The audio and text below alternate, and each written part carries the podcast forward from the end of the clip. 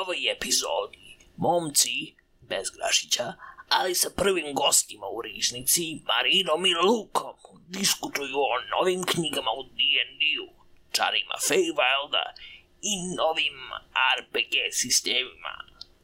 Dobrodošli u Riznicu.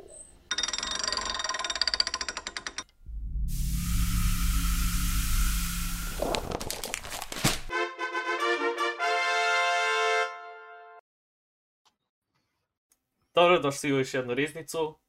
A, sa mnom po, u ovoj epizodi laze Dimitrije i specijalni gosti iz inicijative D20 Luka i Marina. Kažite čao Luka i Marina. Ćao. Ćao, Luka i Marina. Blink, blink twice, blink Tako twice. to je- Da, apsolutno ono što smo tražili.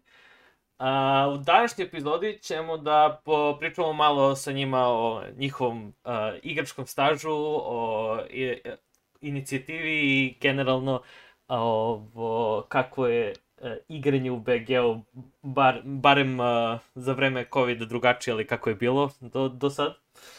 I a, spomenut ćemo malo novosti. D&D ima celu trenutno nedelju, mesec stvari koje se dešavaju.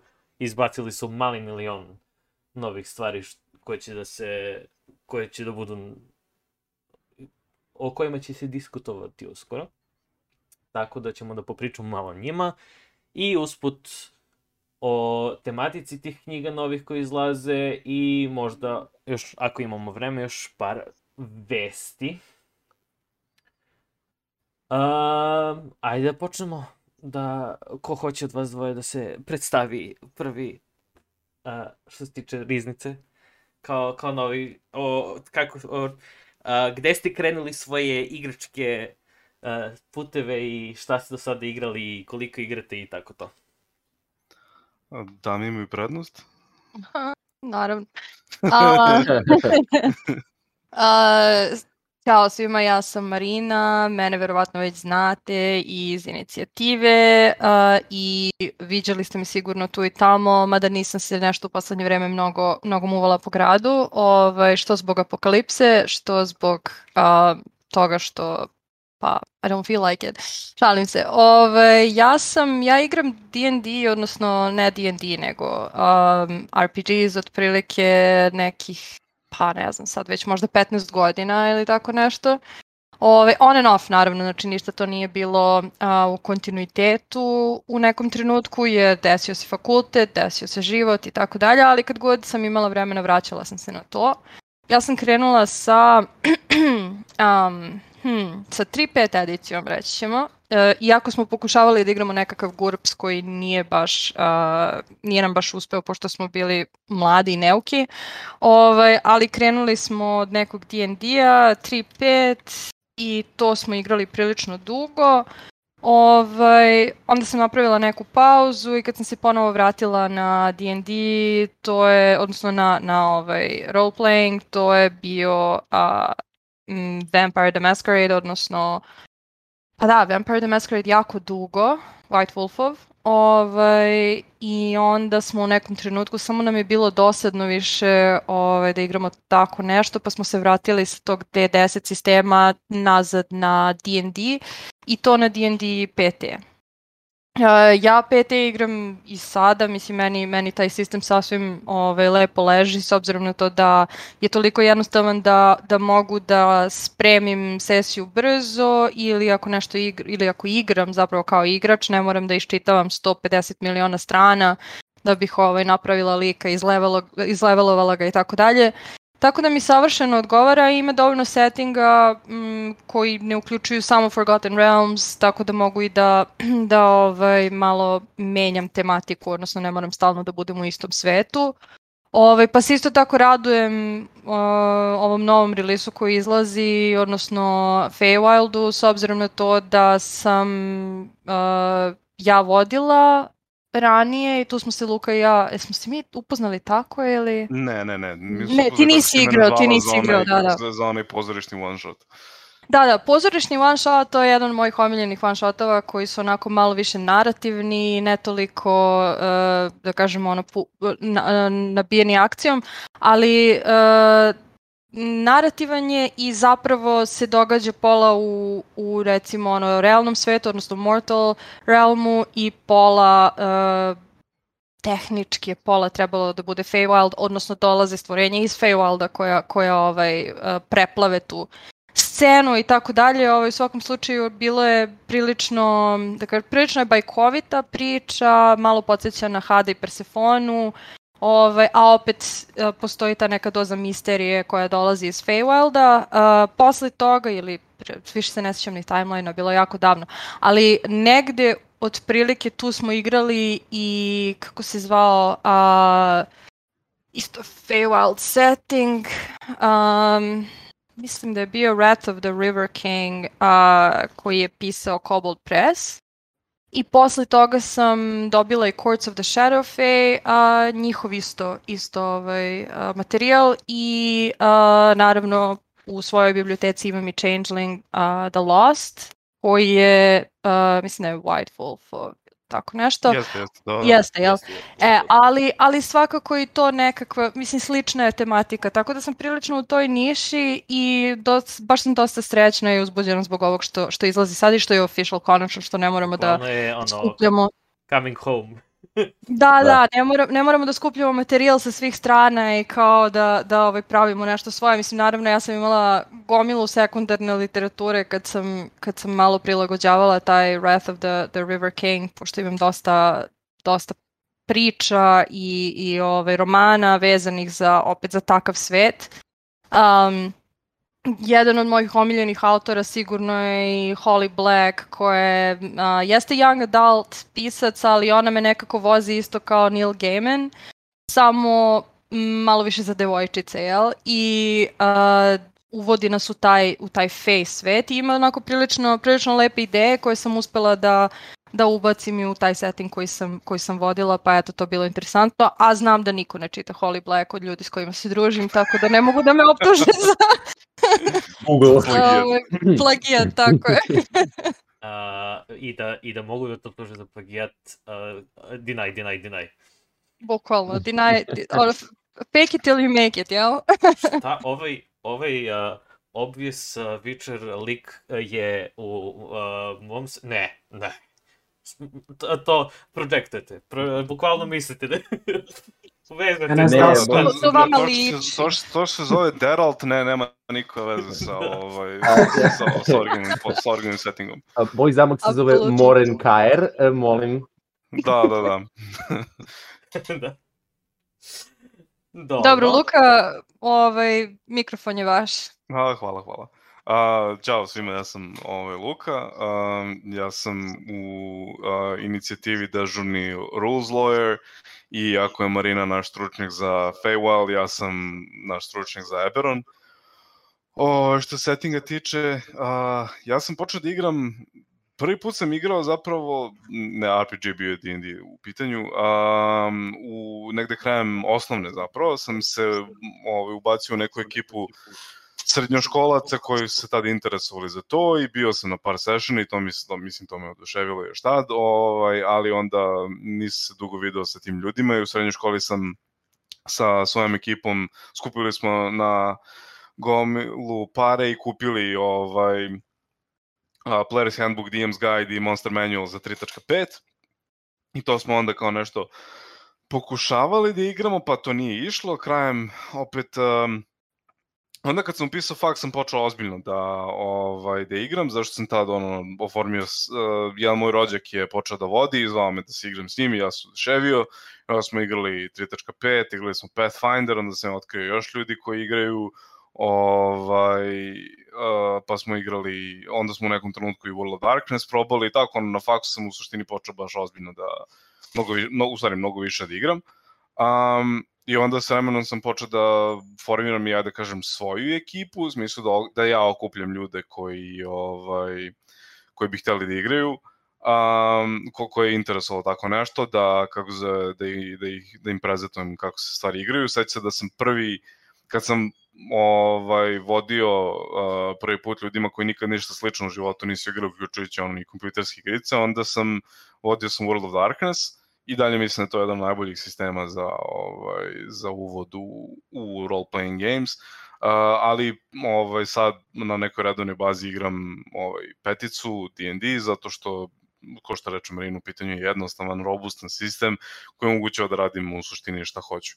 Ovaj, jako sam odrastao na 3.5 i volim ga svim svojim srcem i tako dalje, petica je ipak mnogo zgodnija za nekako ovaj, za uvođenje um, novih igrača i za uvođenju taj u, u princip role-playing gamesa više nego neki ono tabletop combat simulator što je što ka čemu su više naginjale starije edicije tako da to je otprilike to je otprilike to. Sad od, od kad je krenuo od kad je ovaj krenuo uh, karantin za zbog korone igranje sa srećom nije ovaj bar u mom slučaju obustavilo nego se još intenziviralo kad je sam karantin počeo sam poli jedno 3-4 puta nedeljno bez ikvih problema i sad se to ovaj, um, nije, nije popustilo kako, je, kako vreme prolazi i opet moram da kažem da i online igranje ovaj, ko što sam pomenuo pre što počeo podcast, meni sasvim odgovara i kao,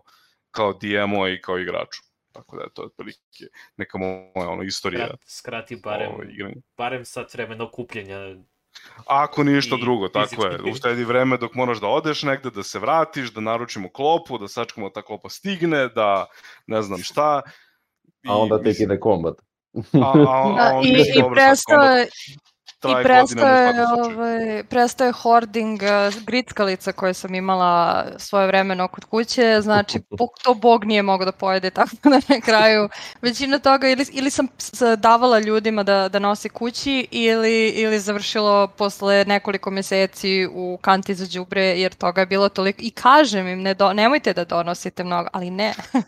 ali da, ne. Marini, Marini ja smo se prvi put videli posle, od, od kad je počeo karantin skoro, pre recimo par nedelja, ovaj, i javlja mi se ono nedelju dana kasnije kao Luka, i dalje jedemo na napolitanke što si doneo. Tako da mislim da je zdravije igranje online. Definitivno. A ono što je, što je isto dobro, što je Luka jednom istako na, na nekom od, od sessiona je bilo to da kad, na primjer, ja nisam u sceni ili on nije u sceni, uvek možemo da urodimo nešto sa strane a da to ne remeti drugi i da ne izgleda kao da ne pazimo u smislu, znaš ono kao za stolom smo, nije naša scena i sad ili buljimo u telefon ili, ili nešto, ali ovako možemo zapravo da završimo i neki posao ovaj, sa strane. Ili da minijature ili šta ili, god. Tako je, da. Šta da. god bilo ko da radi. Iskoristite Uštedi vreme. To vreme. Da, Mhm. to. Iskoristite verujem vreme maksimum. Da, od kad je krenuo e, karantin, mislim da, u, da, mislim da, zapravo mislim da nisam do tada iskoristio Excel ja, od, od kad nije krenuo, to jest pre, pre karantina nisam ga uopšte koristio kako je krenulo, napokon mogu da ga koristim kao onaj, kako se zove, initiative order i da beležim sve što da. Ja sam se Sure. zbunio kad sam ušao u, u, u Excel.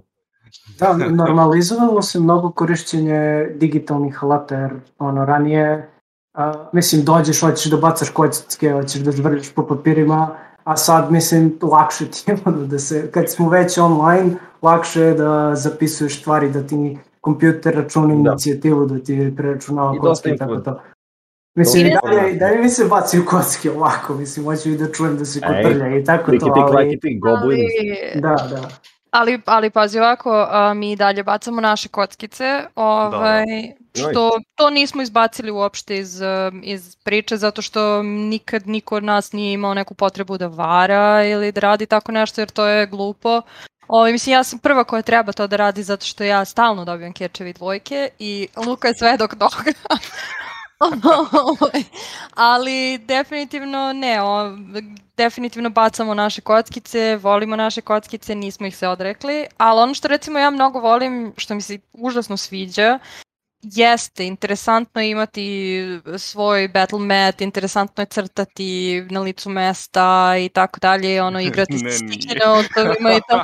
Ne, meni je to bilo, meni je to bilo baš fino, interesantno, međutim Roll20 mi je olakšao život i Toliko je da. jednostavno, toliko je, toliko je divno, znači ne znam, ja se, sad ne bi mogla da se odreknem Roll20.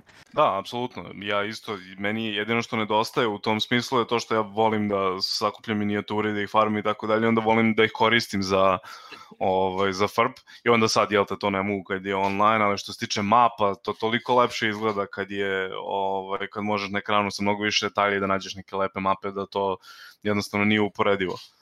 Pogotovo ako se uzme, ako ima i, ako se radi u Roll20 ili u, mislim da je Foundry, ako se ne varam, ne znam da li Foundry ima opciju Ima gomila di- Ima. dynamic, sistema za dynamic to. lighting i A, tako da. to ima i te stvari. To Da, može, da, može apsolutno, bukvalno u ekstremu da se ode sa Da, svim. da ne moram da držim papir na svom Battle.metu, pa onda ga sklonim kad dođe do te Da, da, sobe. i da, da, kažem, da. "A, A ja sam to radila A, sa sticky notes.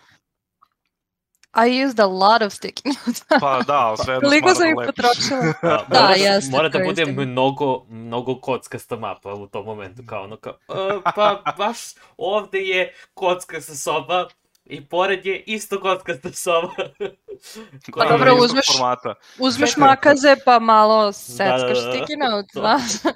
Da, moj drug je radio kao taj neki Fog of War ili kako god uh, za mapu koja nije gridovana. I bagu, I Ono je, ja mislim da ima celu fasciklu svih mogućih solucija, ako zađemo u ovo ćoše, šta će da mu da vidimo, ako zađemo ono drugo. I mislim, posle toga, ni, uh, posle toga ni, nikad nije napravio ni mapu, a kamoli pogovor, tako da, da. Ja sam, od, od, ja sam ištampao dve onako dve velike mape kao Snowy Terrain i Sand Terrain. Eto, nisam ih iskoristio već godinu i dana. Možda O, Ono jednom. pred, pred karantin. Da, da, buk, bukvalno. Uvek, da. o, o, jedno čekam da iskoristim ove mape. E, e, Znaš, znaš, es- znaš koliko puta su uh, moji playeri otišli na Snowy Terrain ili na Sandy Terrain? Tačno ni jednom. Tako je. Morao sam bukvalno da krenem novu kampanju i da sesija bude negde na severu. O ne, Prva, prva, prva sesija će Da. bude na severu i onda posle idete teleport u pustinju. Da, ako... Ja, ja mislim da je moj, moj najveći problem do dana današnjeg taj da pamtim koje vreme, odnosno koje doba godine. Ovaj, sad, su da. krenuli, sad su krenuli neku kampanju moju koja je onako baš zavejana snegom i ono, ta snežna oluja je, da kažem, uh, jedan od jedna od najbitnijih stvari u toj jedan celoj od ključnih kampanji elemenata. ključni element, tako je, ali vrlo često ja zaboravim da tu uopšte ima nekog snega da se setim i dodam apsolutno, kao, a vi se smrzavate kao, Ali Marina, nama je hladno. šta? Založi, bre. Da, Da pali vatru. Ali uvek ubac, znači ono zaboravim potpuno na hladnoću i onda samo ubacim nešto na nivou a, i naravno smrzli ste se. Da, da, da. I Pored vas panic prolazi mode. neku čorcu. smrs- Hmm, čekaj malo.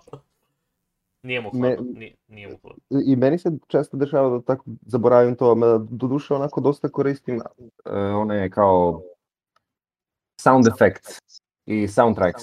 Kao Aha. tipa ako je windy, pa onda onako, a da, da, da, da, da, da, zima, da, da, da, da. Ne, ne, ne, da, nema sunca. Zvuči Ja. efekt za sunce, šta je to? Pa ne, kao,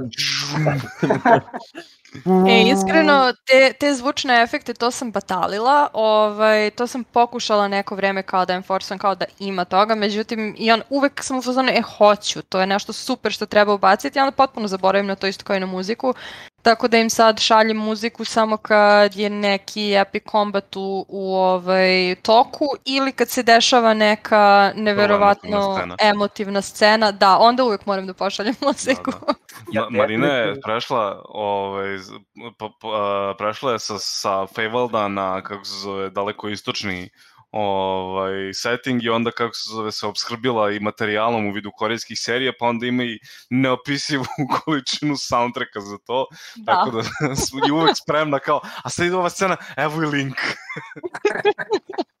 Neko snimljena Da, scena. da. Ima, Ali radi, radi Da, ovaj... da, definitivno, Jeste. definitivno radi. Ne, ne, a, a niko od nas ne gleda korejske serije, onda je Marina potpuno bezbedno bila kakvih spoilera. Naravno, naravno. I, i to, to je onaj moment, ja toliko mnogo sam uzela iz teh serija, toliko ima divnih ideja I opet sam u fazonu, to niko ne gleda, tako da niko ne može da me optuži za plagijat i meni super. Njima super, meni je super. Da, da. A mi, Da, smo, mi iskusi- gledamo iskusi korejske serije by proxy. To, to, to, by proxy, iskusite da, sve. da, da, da. Šta Marina trenutno gleda, to igrate. Aha, u ovom, ovaj soundtrack je raskid. Da, da. Marina gleda serije mnogo bržim tempom nego što mi prelazimo point plotove u kampanji, tako da ne stižemo da postignemo sve to što bi ona htela da nam pokaže. Back Ne znam, ali, ali ja sam jako ponosna na, na moju prethodnu kampanju koja, sad igramo sequel toga, ali prvo što sam ponosna jer sam je zapravo završila, to mi je jedna od redkih koje su mi završene. A, a drugo, mislim, bilo je, bilo je strašno mnogo character developmenta od strane svih likova i desile su se neke tragične stvari, tako da čak i meni zastalo u grlu kad sam, kad sam im pričala epilog ovaj, te kampanje, tako da mm, i, tu, i tu je radio soundtrack, onako baš je bilo sve vrlo, vrlo se skockalo lepo i ne znam, eto, strašno sam ponosna na tu moju dramu, Prava korejska drama. na tragediju, aha, Ako, to, Make a PC yes. character cry, check. bukvalno. Pa da, to je tako, tako znaš da si uspeo u svom ovaj, storytellingu. Yes, good. E, ma- good Make a player cry. cry, make a player cry. To To je to. Pa da, make, a make a Na player to cry, se da. svodi. Na to, na to, na to. Jedno mi je uspelo samo. Onda Ako kao, jednom, and I will cherish that moment ima forever. vremena. Da, uvek ću da držim to, to, to, je to misle u sebi. Da, to, me, to, to mi je vodilja. To, to. A, interesuje me jedna stvar, pošto mislim, pomenuli ste a, za a, o- da vam odgovara online i roll20 i tako to. Ja sam imao a, mali problem, mislim, a, i meni odgovara mnogo, ali imao sam problem par puta kad sam vodio što a, mi se čini da je mnogo lakše da igrači postanu dekoncentrisani ili barem igrači koji nisu trenutno u fokusu i da je malo drugačija dinamika nego kad ste za stolom. Jel imate tih problema i kako da ih rešim, pomozite mi molim vas. a ja mislim da je to do igrača, ali Luka, prepustit Da, ti. da, ja bih isto rekao da je to predo igrača. Mislim, naravno da neko na kome nije scena, na kome nije fokus scena u tom trenutku će biti malo auto, već samo što je to možda, mislim, ali to čini, meni se čini da to manje smeta a, ne, kad smo online nego kad smo uživo, zašto kad smo online je taj neko samo prozorčić i ovaj, radi nešto svoje, a kad smo uživo onda se vidi da kao taj neko radi ne znam šta. Ovaj, a to da, da igrači postaju koncentrisani ono sami od sebe, meni se iskreno nije dešavalo, ovaj, u smislu da ako, ako je neko dekoncentrisan, onda je dekoncentrisan zašto je tako mu je veče, šta da se radi, mislim, tako je bilo i kad smo bili, i kad smo bili uživo, ono, ni, ni, nije to veče, ono, svim srcem u, u tome, ali ovaj ali ne mislim da online pravi neku razliku, mislim samo dopušta da se igrač kad je van fokusa malo više opusti ovaj, i da eventualno sposti nečem drugom, ali nisam imao, mislim, nisam imao problem sa tim u sessionima koje sam vodio. Da, ja mislim da, ja mislim da, da, pa eto, svako, srećno. što kaže Luka, svako nekad postane dekoncentrisan i primetim to i kod sebe, ali se trudim da, da što više slušam, odnosno da znam o čemu se radi jeli, u, u, u ovaj, toj sesiji. Ali mislim da, da je do sada, postoji jedna jedina instanca gde sam uhvatila sebe da, da ne mogu da pratim, odnosno da mi ne prija, ali to je opet do kampanje, do ljudi, prosto ne znam, do sklopa, ali ne znam, naši igrači su uvek, uvek pratili, uvek su bili zainteresovani za ono što se dešava, tako da zaista mislim da je to do, do igrača. Ili do DM-a, ima i toga. A, da, pa mogu, mislim, moguće a, bila je nekako nov sistem malo i a, novi a, ljudi koji nisu igrali ranije RPG-eve i onda a, mislim, možda je samo meni bilo a, dosta čudno i naporno a, Dobro, da... to jeste dosta izazovno uraditi i za prve sesije uvek bolje, mislim, kad neko igra prvi put, zato mislim da je stvarno bolje da bude uživo, je zašto, više zašto kod prisutu drugih igrača ohrabruje na to da se taj neko ko je novo uključi i interreaguje i tako dalje. Da, da. Dobro. Da, pa, da, ja sam imao nove igrače u, dok smo ig, u karantinu igrali, tako da definitivno no, malo je teže da, i, da uopšte uđu u uh, celu igru tako što da uđu u igru, a da su, nikad do sad nisu igrali i ono im je po sistemu, aha, pa sad ne znam da li da upadnem, kako da upadnem, šta da radim. Evo ja sam, ja sam sad imala baš session zero, to je bilo juče, ovaj, u kome smo, bukvalno išli smo po celom character sheetu, objašnjavala sam im naravno sve preko Zuma, ove, šta, šta je šta i tako dalje. Malo smo pričali o settingu, malo smo pričali o tome šta bi oni eventualno igrali, ove, šta im se sviđa. Još uvek nisu baš sigurni, tako da ću uzeti naravno njihove sugestije u, u obzir. Uh, oni koji znaju tačno šta će igrati, napravit ću im ovaj, mehanički takvog lika, neću njih da, da no, ovaj, naravno smaram da, da oni to rade jer mislim da ima previše, ali kad budemo krenuli sve više i više razmišljam da ubacim Luku čisto da, da, ovaj, da malo pomogne sa, sa tim roleplay delom, jer ne, ne mogu da predvidim kako će to da, da izgleda, pošto nisam preko Zuma nikad igrala sa, sa baš novim ljudima, tako da... Da, ja sam imao moment da smo negde na početku karantina smo organizovali uh, u saradnji sa IGN Adria smo organizovali neki one shot koji sam ja vodio. A, za, na kojem su bili ljudi koji neki, par njih nikad nije igralo, a par njih jeste. Um, ali, ali onda sam imao sreće da ti što nisu nikad igrali su poznavali ove koji jesu igrali, pa je bilo kao, aha, ok, vidim da, da taj moj, ono, da ta moja artakinja se, ono, opustila i da može da se, da se ona, ono, tako zeza, znači mogu i ja. Ovaj, ali to je problematika, mislim da to, da problem koji si imao nije bio vezan za to što je to toliko online, nego to što su novi igrači. ovaj, tako da, a, ali slažem se da bi za potpuno novi igrače definitivno bilo lakše da, da, da su ljudi uživo i da onda mogu neko da osete i vide to prisutu drugih, drugih ovaj, igrača ja, mi sad preko karantina smo uglavnom igrali sa ono, iskusnim ljudima, iskusnim u smislu da su već igrali i uživo i tako dalje, pa onda tu nije nikakav problem. Jer znamo da su posvećeni i da, da ih interesu i tako dalje, kad je neko da. apsolutno nov, to je onda potpuno druga problematika, tako da mislim da je u da. tome leži srž uh, poteškoća koje si iskusio. Iskreno ima i neki šarm u tome kada novi igrač, na primjer, radi nešto što je zamislio i onda uspe to radi i onda ono, lepo mu i onda ti primetiš da zapravo uživa u igri koju vodiš. Apsolutno, apsolutno. Da, da, da.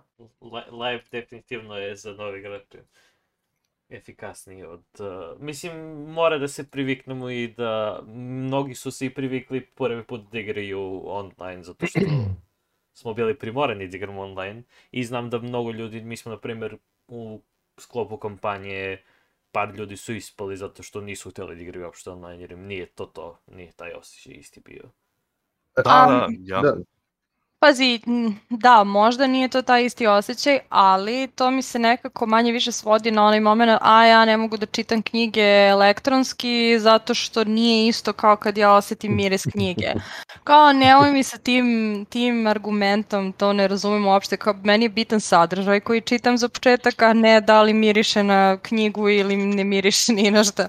Ove, ja zaista imam, imam dosta knjiga koje su, ne znam, tvrdom povezu, mekom povezu, to su uglavnom uglavnom knjige koje su mi bitne na neki način i želim da ih imam, ali isto tako imam baš veliku uh, biblioteku u, na svom Kindlu. I vrlo uživam da čitam te naslove na Kindlu i nemam nikakav problem s tim, niti mi umara oči, niti bilo šta. E, to je isti nivo sa ovim online igranjem. Kao, ok, imamo svi kamere, svi se vidimo, svi smo tu u sobi, držnede i ovaj, m, i igramo, igramo igru koju volimo, a ako možemo da se vidimo IRL, to je naravno bonus, ovaj, jer volim da, da viđem svoje drugare i uživo, jel? Ove, ali, ali eto, mislim da je da to na tom nekom elitističkom nivou, kao sad, e, ja neću da igram D&D zato što to nije uživo i meni to nije isto. Come on, ajde, ajde da budemo realni. Pa ne znam, ja se ne slažem, ovaj, uh, mislim da nije baš tako jednostavno u smislu da um, mislim isto nevezano sad za D&D, ali ljudima očigledno predstavljao problem tokom uh, korone to što jako viđaju recimo ljude koji su im bliski preko Zuma, ne mogu da ih vide uživo. I, i su se ti isti razgovori vode i ako je, ne znam, ono, svi možemo da napravimo kafu kod kuće i tako dalje, ljudima nije isto kad se vide uživo i kad, i, i kad pričaju online. I mislim da se slična stvar može primeniti i ovde. Nekim ljudima jednostavno je mnogo u igranju D&D-a je mnogo značajniji taj faktor da, e, sedimo svi zajedno. I to je ovaj relativna stvar. To što nas dvoje sad Marina i ja ovaj relativno asocijalni ne moramo da sedimo pored ljudi odmah, to je ajde da kažem naše u ovom slučaju naš u ovom slučaju prednost, ali mogu da razumem zašto ljudi zašto ljudima nije isto kad, uh, kad, kako se zove, kad ne mogu da sede pored saigrača i da jednostavno budu svi na istom mestu u istoj sobi i da ono, čujemo svi da ne utiče kvalitet interneta na kvalitet komunikacije. Tako da mislim da je mnogo da je malo da je malo komplikovanije od toga ovaj elitizam ili ne, ali ovaj i da jednostavno ono, ono koliko ljudi toliko ćudi, jel? Da, naravno, svako svoje.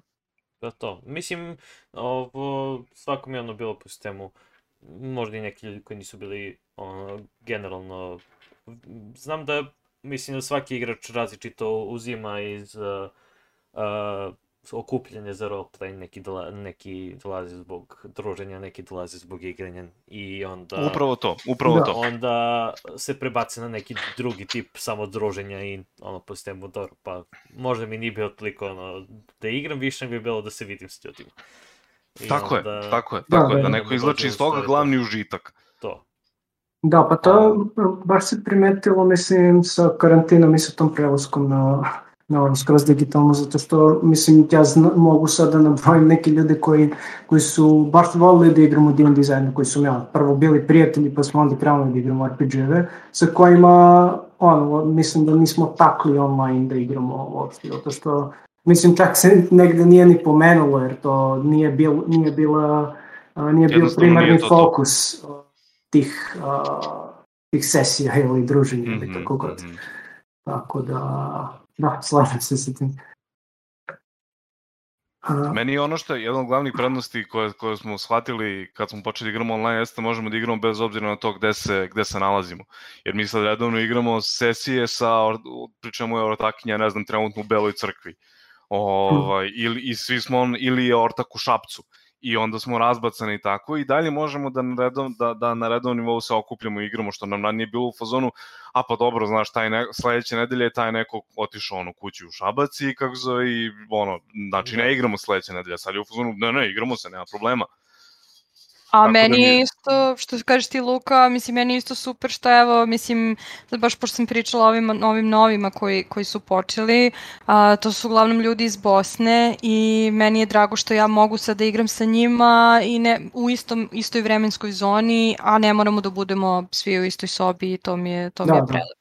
To je, to je prednost koju smo, m, m, primoreni smo bili da inovišemo u poljima RPG i online igre I onda smo da. svi kao postavimo, čekaj malo, možda ovo ima bolje, ono, ima smisla, možda možemo da ovo koristimo da. za druge stvari.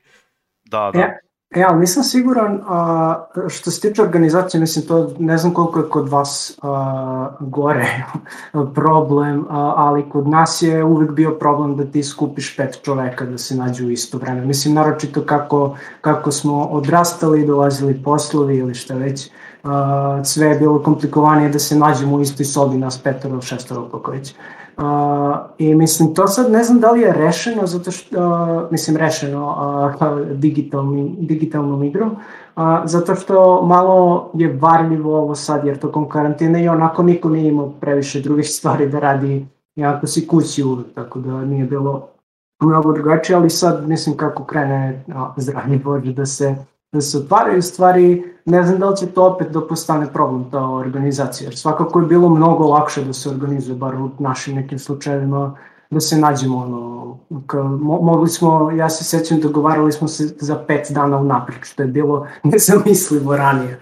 A, sad dogovaram za početak narednog meseca i ne mogu da se dogovorim, brate. da, da. To je A vidiš, mi, mi smo imali sreće, ovaj, zato što, tipa, ne znam, ja kad sam bila u srednjoj i, i početak fakulteta i to mi smo igrali, posebno početak fakulteta, svi smo nekako imali uvek vremena, igrali smo i po dva dana bez prestanka, znači ono, odemo da ručamo i kao nastavimo dalje i, i igra se dan noć. A onda smo prestali u nekom trenutku jer svi smo imali, to je ta velika pauza koju smo imali jer, jer, jer svi smo mm, prosto imali velike obaveze, krenuli su poslovi, krenuo je život i tako dalje. Ali nekako uh, posle toga, kad smo svi manje više postali uh, situirani, što se posla tiče najviše, znači svi smo, svi smo našli neke stabilne poslove, a, svi smo se nekako skrasili i tako dalje, onda smo opet počeli, počeli da igramo. Znači napravili smo tu jednu veliku pauzu ovaj, i posle nje, da kažem, to je recimo pauza od nekih možda sigurno pet godina ili tako nešto, ove, gde nismo igrali uopšte, ali onda smo nekako samo se odjednom skontali kao, e, svi smo ok sad, svi sad imamo vremena, svi imamo poslove, svi imamo neke naše rasporede i onda smo uspeli da se, da se organizujemo i onda smo počeli da igramo ponovo i da igramo mnogo. Tako da što se moje ekipe lično tiče, ja sam tu negde imala sreće da smo se svi nekako skontali ponovo u isto vreme. Um, moja A onda je ne- došao Luka. da. And then the Fire Nation attacked, šta? O, Secrets are revealed.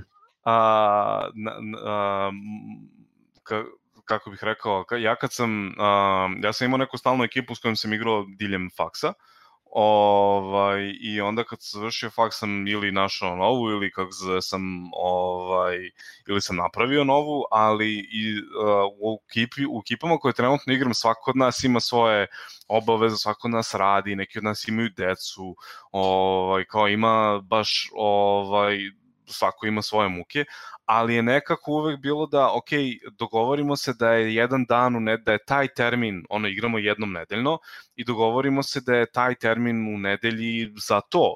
I onda se jednostavno grade planovi oko toga.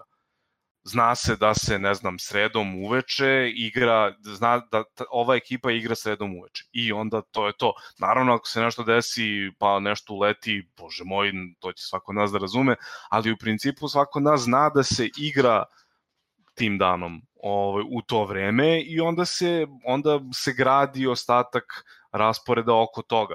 Jednostavno Tako je. je, Rutina ovaj, ma, samo Znači, to. Utorak, utorak je Eberon, palim sela, a nedeljom je Korija, to se zna. Tako je, tako je.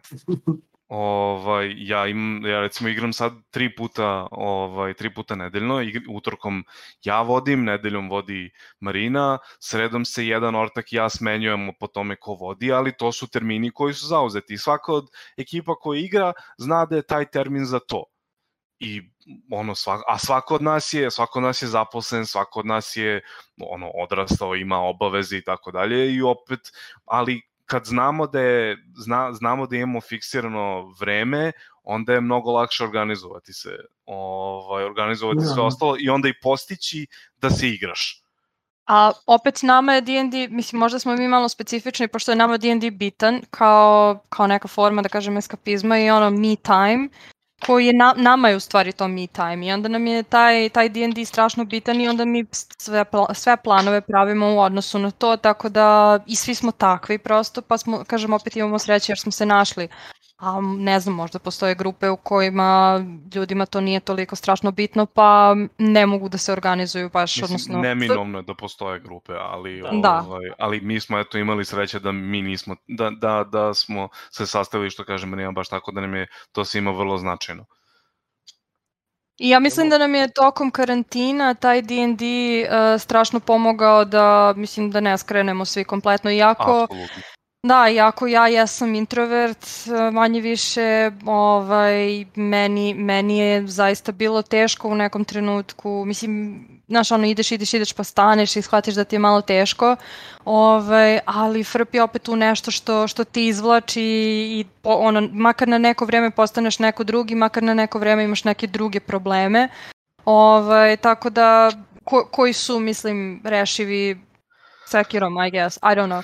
Ovaj, ali, za fireballom, za razliku od eh, pravih eh, ovaj, problema u, u, životu. Mislim, uvek možeš da rešiš eh, svoje životne Farbolom. probleme farbolom, ali... Ali je nezakonito, nažalost, tako, Tako da. je. Mislim i Ovaj, sekirom, ali, da. opet nezakonito. da, isto i Sekiro, da. Depends how you look at it. Tako je, ali, ali eto, cijela poenta je bila da, da je nama taj deo bitan i dalje nam je bitan i mislim da, da ćemo i u budućnosti da nastavimo da svoje planove gradimo oko, oko D&D-a. Eto, mor- moram da teram moje playere da imaju tu naviku, iskreno. Pa mislim Da. da je to nešto što je ono o čemu se povede razgovor, ajde da kažem na početku kampanje, e, ovo bi se igralo, kako se, ovo bismo igrali ovoliko često, jel svima, i onda se, ono, svako od nas kad smo određivali termin kad ćemo igrati je bio u fazonu, e, koji dan tebi odgovara, koji dan tebi odgovara i onda se nekako nađe neki termin u kojem svi možemo da se preklopimo i da smo slobodni. I opet to što igramo online pomaže u smislu da ne moram da izdvojim još, ono što sam pominjala na početku, da izdvojim još, ne znam, pola sata, sat vremena da ja sad dođem, pa da se vratim, pa ne znam koliko, nego samo mogu od kuće da ono uključim kompjuter i tu sam. Ovo, prevoz, pada okolnosti. kiša, pada Da. sneg, Nema otežavajućih daje. okolnosti u tom smislu. Saobraćaj. Tako. Tako je, upravo to i saobraćaj naravno. Pogotovo u To, Beogradu. Sve, sve, to, pogotovo kod vas.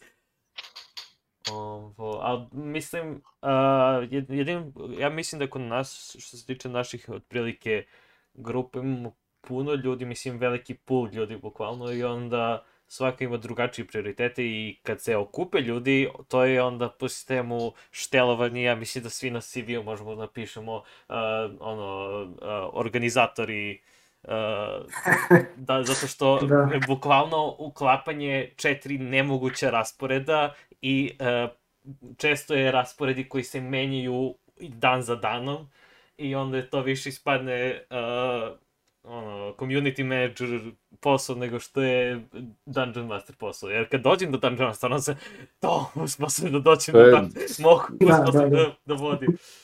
A sad, and now the easy part. Da, ni, da, ni, možda, kao pustimo, spremao sam ovu sesiju tri nelje više nego što sam trebao da spremam, zato što ne mogu da se, da se uklopim. Tako da, Pa dobro, to su neke to su neke veštine koje savladaš, ovaj Da. kojima se naučiš iako možda je inicijalno nisi ni hteo da ovaj da se time baviš. tako Ja znam da meni lično je D&D mnogo pomogao u ono nekom socijalnom razvoju, u smislu i komunikativnosti i sposobnosti organizacije i gomila drugih stvari, to, to je ono zasebna tema od nekoliko sati kako sve Da. D&D pozitivno možda utiče na razvoj ličnosti. Tako je, da, da. Ja sam počela Da. u srednjoj školi da igram baš kad, kad, mm, kad sam bila u tom nekom razvojnom periodu i ono, ja sam, ja sam opet dete iz manjeg, manjeg mesta, ja sam iz Smedereva. Ovaj, I sad i u Smederevu, koliko god da je blizu Beograda i koliko god da je kao ta neka alternativna scena razvijena, u tom trenutku jeste bila razvijenija nego, nego ovaj, po ostalim mestima u Srbiji. Ove, I dalje je bilo strašno mnogo stigme oko, oko ljudi koji su drugačiji, odnosno ljudi koji se možda malo drugačije oblače, slušaju drugačiju muziku i tako dalje. I onda ovaj, a, negde se nađeš sam i, mislim, odnosno usamljen i prosto ti je to, a, počinje da te guši, to posebno ako si tinejdžer, naravno, i prolaziš kroz te neke delikatne godine, jel? Ovaj, ali onda, onda je došao taj D&D, otkrila sam to sa nekim svojim drugarima, s jednim od njih još uvek igramo.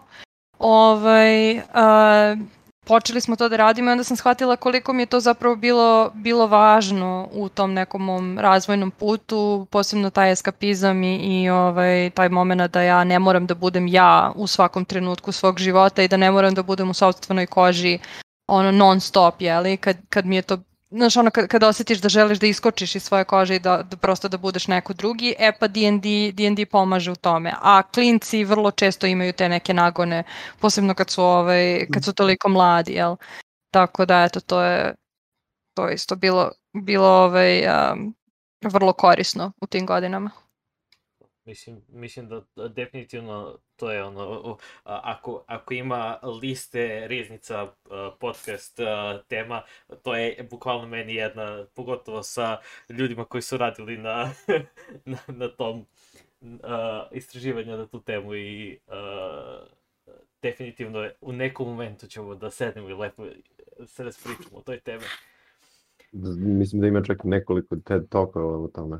To, bukvalno da, mislim, ima, ima, pošto ja sam radio istraživanje na tu temu isto, tako da i, ima, ali ne toliko koliko bi trebalo da ima. I definitivno A mislim... da- svako, verujem da ih nema dovoljno na, do- na ovaj domaćem tržištu, da ne kažem internet nebu. Da, to. Većinom su Da, da. strane stvari i uh, definitivno ima lufta za, za, za gledanje što se tiče toga. Um, dobro, uh, možemo da se bacimo na, na vesti malo. Uh, I već smo spomenuli nešto malo, ali ajde da spomenemo prvo, pošto ćemo pretpostavljamo Feyvel da malo više da pričamo i da diskutujemo, da spomenemo... Uh, Gledaš u mene? Je li to nešto na moj račun? Ne!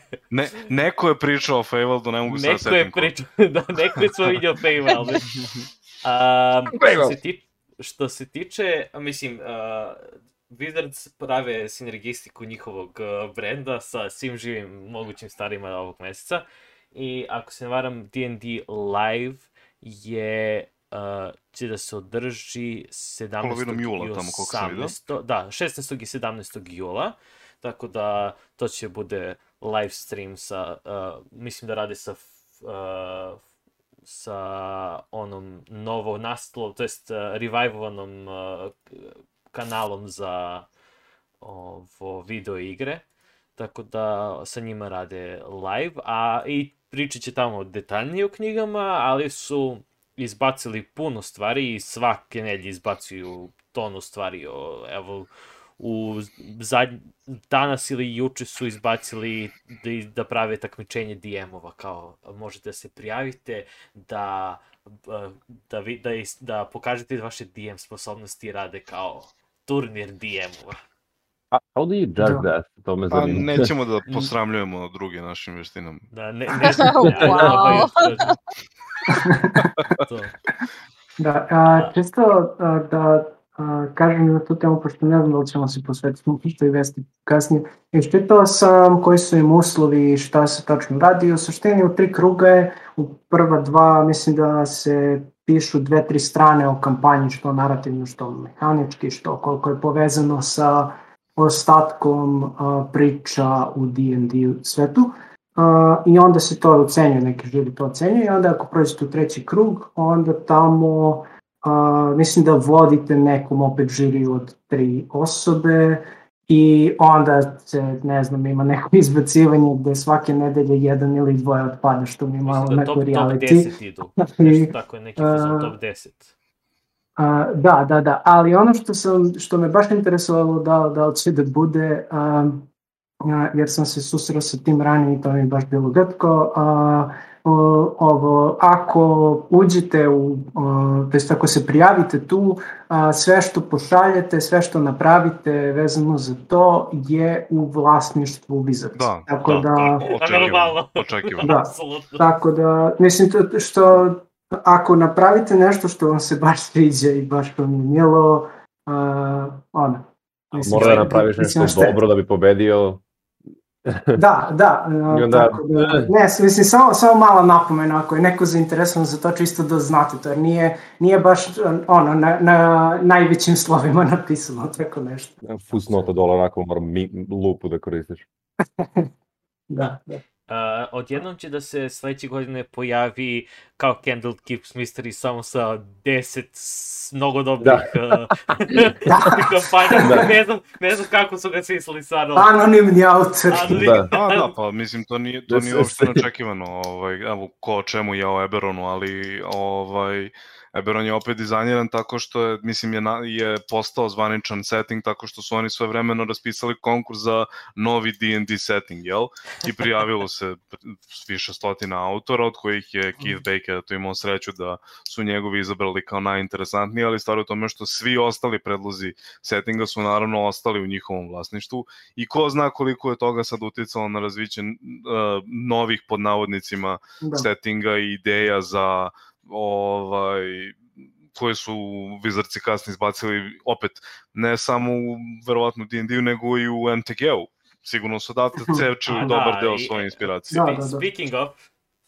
Uh, Strixhaven, a? Da, tako je, Strix. To, verovatno Jedna od knjiga uh, je Strixhaven A Curriculum of Chaos. Uh, ako se ne varam, zadnja MTG експанзија се бавила... Последна, да, да, најновија. Да, uh, мислам, тоа е дефинитивно Wizards uh, кој узима Harry Potter фазон jer su, имате imate и имате imate čak i kviz koje ste kuća, jer normalno da mora, jer mora da se ostavi kviz koje ste kuća. Jel ima Gryffindor? Uh, ne, Ne, ima ali, pet kuća za početak, Pet, to je da, da, da, najrevolucionarnija to, to, to. stvar. Dodali su još jednu i sve su, sve su uh, Magic useri, tako da ne znam gde će da se uklope uh, u, Ostali. u taj svet svi ostali fight, fighter klase, ali ono, tu je Pa pazi, postoje Eldritch Knightovi. to, to, to, pa da, i- i Eldritch Knight, samo Eldritch Knight i to je, i po, možda Paladin da kastuje Da, sa, samo ostali su dozvoljeni. Samo ti su Da. dozvoljeni. Samo oni koji imaju spelove su dozvoljeni. A, Life i Death domain, pa Zapravo, Death je sve, svi fighteri, svi fighteri Da, Death da, domain. da, da. Pa koliko sam Da, video da. ove nove uh, ovaj, arhetipove koje su izbacili, a, predviđeni su isključivo, znači a, mogu da ih uzmu u zavisnosti od toga koji je, koja je škola, a, druid, sorcerer, warlock, bard ili wizard, što znači da i klerici isto, Da. i, i klerici, i paladini, i rangeri, svi mogu samo Ispadaju, da, Da, gledaju i da zavide. Un Unearth Arcana su izbacili sa, uh, sa nekim od koleđa, ali generalno... Pa sa tih pet cele- koleđa da, zapravo, sa- sa tih pet to. ključnih koleđa koji su kao, to jest tih pet kuća ovaj, koje učestvuju u Strixhavenu, to jest da, koje čine Strixhaven. tako da je to. A ti ako- koleđe nisu kao Bardic koleđe, nego kako ne, ne, nego Kao su kuće, univer- kao kuće u Harry Potteru. Da, bukvalno kao kuće u Hogwartsu. Aha, znači imaš taj- okej. ima- Evo radim, magi- radim test upravo.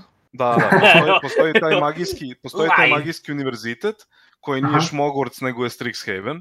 Aha. ovaj, i ima pet različitih kuća koje su naravno bazirane na ovaj na bojama magije u MTG-u, sad ko je u to upućen zna o čemu pričam, ko ne zna, Mhm. to je, ovo je sad primer, uh, magija je u MTG-u podeljena u pet boja, jel, ko- od kojih svaka ima svoje karakteristike i tih pet kuća je zasnovano na pet kombinacija tih boja. Ovaj, I ovo je još jedan od primjera u kojima Wizards of the Coast pokušavaju da uglave ovaj, jedan mnogo um, raznovrsniji sistem kakav je D&D u tih svojih, u taj uh, sistem koji ima pet boja koji vlada svim ostalim, koji vlada MTG univerzumom. To mi nije jasno zašto me pitaju which company do you like best? Tesla, Amazon, Apple, Microsoft, Wow, Nvidia. stvarno? Kakve to veze ima sa životom? Zato što svako od njih predstavlja jedan pristup. Aha, aha. O, Da, da, da. Ovo nije market research, apsolutno. Ovo... Apsolutno nije. Ne, daj bre, molim te, pa šta ti je? Bože? Me- A mi Samo Tesla, prodajemo samo. informacije, a, a Tesla i Apple, ne. Ne? He? Uh, well, I, I belong to Lorehold. A ti si belo-crveni, ovaj, kako se zove, koji istražuje misterije istorije. kako Može. lepo složio. Ima, ima, Da, a- ima, ima smisla.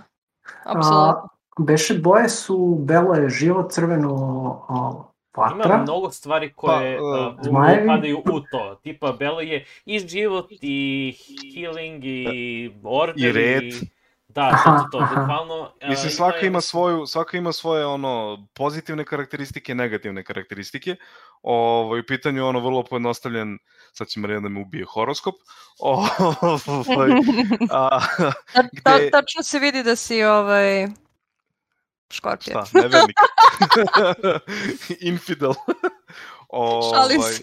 gde je Bela predstavlja znači red, saradnju, ali s druge strane možda predstavlja i stagnaciju i tiraniju i tako dalje. Crvena je uh, inventivnost i kako se zove ovaj energija i impulsivnost i emocija, s druge strane i gnev i tako dalje i tako dalje i tako dalje. Ovaj ono što je meni žao je što recimo ima o, što uh, ako su već rešeni da kombinuju a, da, da neki od svojih settinga a, a, ubacuju nužno u D&D. Uh, ima mnogo ima settinga koji su ja mislim mnogo bolji za to iz MTG-a kao što je Zendikar do, oni su dodali određene, već su, mislim, ravnica je u vidu kao... onih u vidu Da. onih kako se zove minijaturnih mini dokumenata knjige, ali Da, da ali ravnica je dobila tem, Svoje relativno knjige, temeljan da, tretman ovaj I- ali recimo mislim da su ona putinska je imala, ne mogu sad da se setim kako se Uh. Amonket. Amonket isto ima. a, Amonket i, i Inistrad i Zendikar su dobili samo po ono leaflet od 20 strana. Da, A, a meni je žao recimo zašto Zendikar je posebno privlačan u tom smislu ili čak i Inistrad za neke ono malo više gotske avanture ili Zendikar koji je baš bukvalno ono plain za avanturu tome, tome o, fantastičan je za tako nešto. Ali umesto toga dobili smo ovaj Wizards of the Coast Hogwarts. da. Pa, pretpostavljam da su e, dizajnirali o, o sve zajedno i onda su bili kao, a, možemo ovo da radimo i ovo možemo Da, to. da, da, i da zaradimo još para. Mislim, nije apsolutno. ništa neočekivano. Pa zato što u Ali, isto ali vreme... u- postoji dobra stvar toga, mislim, to će da privuče ono prosto ljude koji, koji su u tom Harry Potter gasu i to je isto sasvim okej. Dobro, onda će mislim da da njima provale inače nije, nije bila ne, potrebna neka značajna motivacija za skakanje u ovako nešto. Pa zavisi, znaš, imaš ljude koji prosto nisu, mislim, vole Harry Potter univerzum, ali Da, da. ni- nisu nikad igrali ove, ovakve Pa, igre, niti... dobro, naravno da postoje samo ovaj ali vidim šta hoćeš da kažeš da je da je ovakav neki možda YA ovaj pristup zgodniji u tom Tako je, smislu. pa da, da. Sve ima svoje zašto. Izvinjavamo se što smo ovaj hakovali vaš vašu diskusiju s Strixhavenu. Ne, ne. Samo nastavite slovo. Ovo, ali da, mislim, uh, oni, ra... dobro, Strixhaven izlazi, to je uh, Magic Inspired i u Magicu dolazi uh, ovo, D&D, tako da mislim da rade, Da, da, Rade novi rade set apsolutni crossover. da, baš, baš sinergistika, uh, to je to, reč, reč, reč meseca, pogotovo sa, i, sa E3 i Summer Game Festival, sin, sin, Synergy, just Syn- Synergy. Tako da to ima da čujete svuda, ako A se zar u nisu, gamingu to, radite. zar nisu to uradili sa ovom ravnikom, rav, ravnika, Jesu, tako? jesu, da, da. Da, Jesu, da. ali, ali, ali na mnogo manjem nivou nego što rade sad. Sad baš crossoveruju i jedno i drugo. Pošto prave, prave ka, me, Magic, Magic ceo set prave koji je u Forgotten Realms. Tako je, tako je.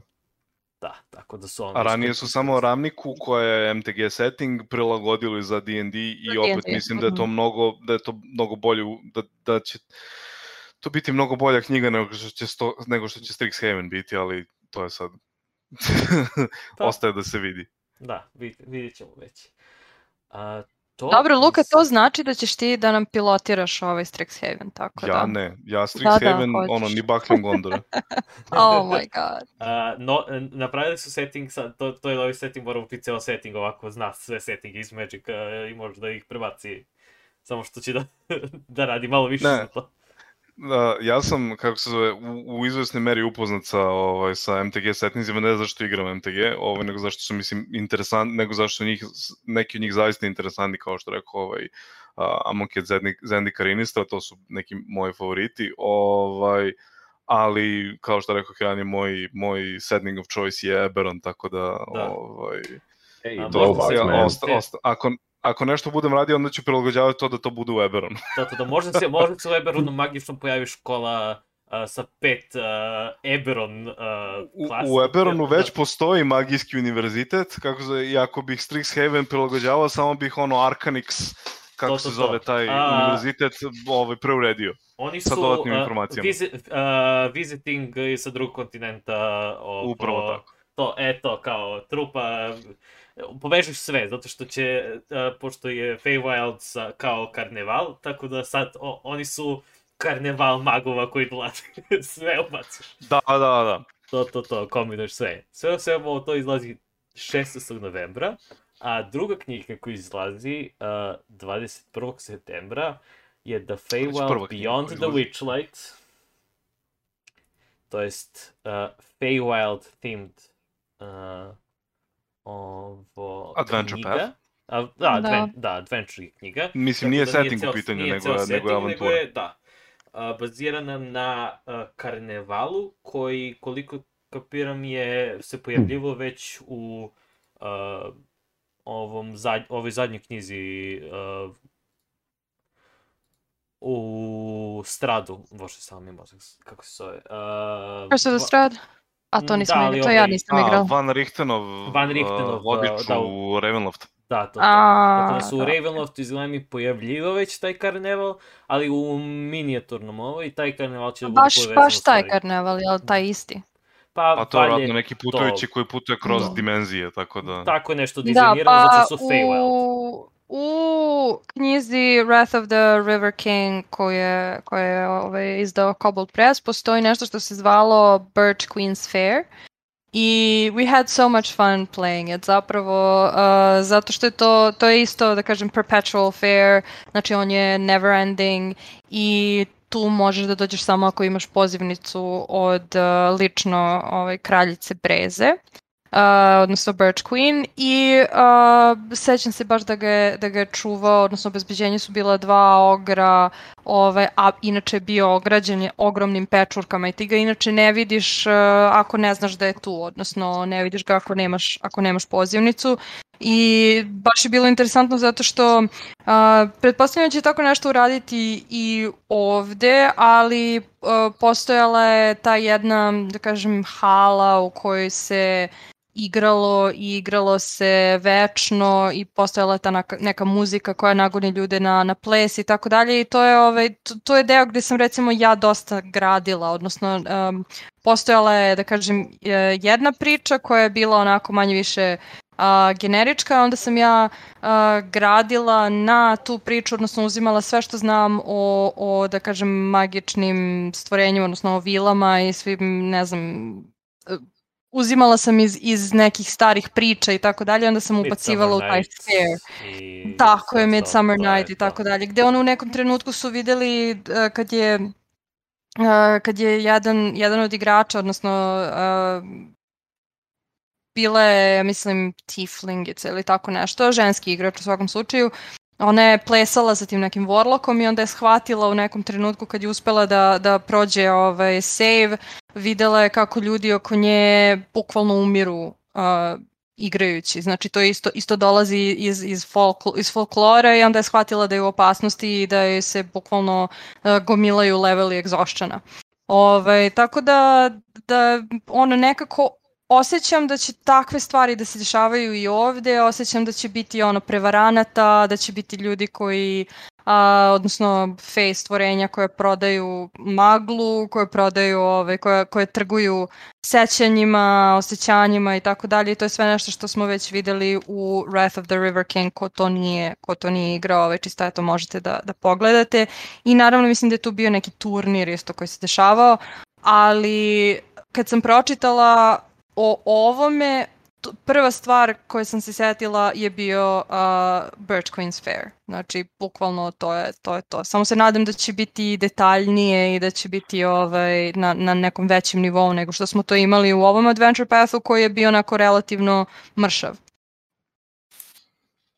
A koliko sam skapirao, on uh, vo, Fey, uh, Fey Lord neki vodi karneval i svi koji su u karnevalu mu duguju nešto i onda zato su u karnevalu i to je tako valjda dizajnirano i Eladrine su, mislim to je, nač, to je prvi put kad se da su, mislim da su u Eladrina ubacili u, prvi put da su Adventure ubacili kad su ubacili u Van Richten's Guide Aj, da je da se Eladrin, lik Da, koji da. je oficijalno Eladrin pojavio u, Mm. uh, jer je u sklopu ovog um, uh, karnevala. I A onda vidim je- da će biti, vidim da će biti Rabbit Folk i Owl Folk Da, to su, i nisu, svašta nešto lepo. Uh, da, do, Hobgoblini.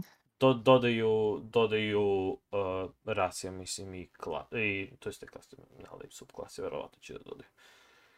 Dobro, Tako sigurno, da, da. će biti neki, da, neki, neki, neke dodatne ovaj, player uh, option, Mm, character da. options.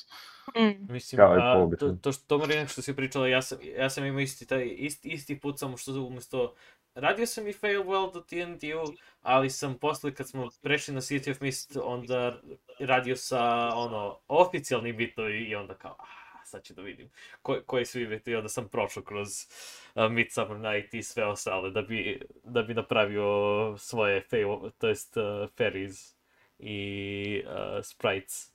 Tako da to je otprilike taj isto.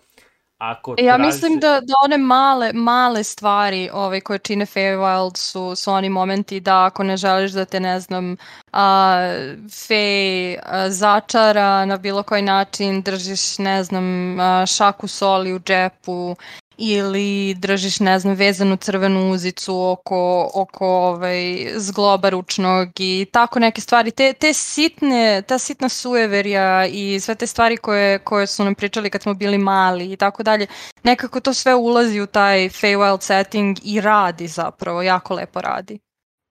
A, ima a, serija, ako neko hoće se bavi a, Feywildom, a, ima serija koja je interesantno predstavlja Feywild u modernom setting, mislim modernom, semi-modern setting, koja je Jonathan Strange and Mr. Nore, no, Norrell, ne znam da li je nekom prošlo kod vas kro- kroz ruke, ali ima u sklopu magije se bave sa bukvalno uh, Fey Tricksterom, kao negativcom tehnički. I onda ima relativno kratka je uh, serija i ima interesantne visuals za i Se motivaciju. zove, za- izvini. Uh, Jonathan Strange and Mr. Norrell. Mm. A Luka, kako se beše zove onaj Feywild u Eberonu? Zove se Thalanis. E, Dalanis. E, ne da, znam da. da li si gledao onu seriju, jo, kako se zvala sad, znam, čekaj, znam um, oba glumca, ali... Sa mogu Delevingne. E, jeste, Znao da, sam da, da da, da, da da, da. pom- I le, A- sve ko ću kažem Legolas, ali nije Legolas, nego je Lando da, Bloom. Orlando Bloom. Ja, da, to nas da, Da, da, da. to beše Ja u... sam, a, to sam otvorio da gledam i onda sam zaboravio da postoji serija. Ali E, definitivno... meni je zapravo bila strašno interesantna, bilo je nekih delova u seriji koji su bili onako vrlo chilling i Mislim da je- uh, na nešto simpatični. Row, nešto je Row. Uh, Carnival Row, Carnival tako se da, zvalo. Da, tako je, tako To je ulica, naziv ulice. Ovaj, ali definitivno ima, ima nekih divnih ideja i ovaj, music score je isto bio jako lep. Ovaj, generalno mi je bilo, baš mi je prijala serija i eto, verovatno se više neće desiti, odnosno neće biti druge sezone, što je šteta, ali dobro. Um, meni što se tiče, mislim, uh, nekako moja prva asocijacija uh, kad mi neko kaže fairies ili Feywild, ovaj, je bila ono sprites i jinxes i tako dalje i onda nije, nije mi to bilo nešto posebno interesantno dok se nisam dokopao knjige koje je Marina već pomenula, to je Changeling ovaj, The Lost um, i dok nisam počeo čitam Gemena onako malo ozbiljnije.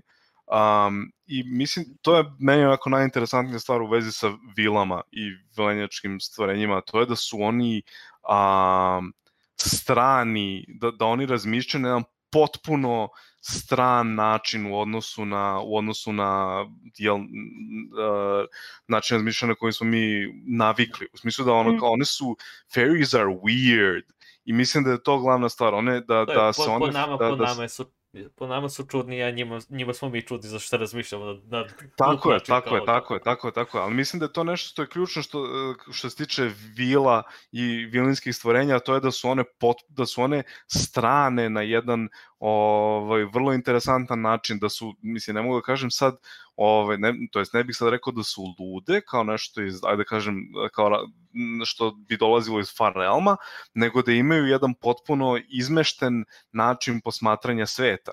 I ono što, mislim, Marina mi je sad dala ovaj segway za Thelanis, ono što je ključno za Thela- Thelanis, Feywild se u Eberonu zove Thelanis i u pitanju je plane u kojem je ključno to što u njemu funkcionišu zakoni pripovedanja.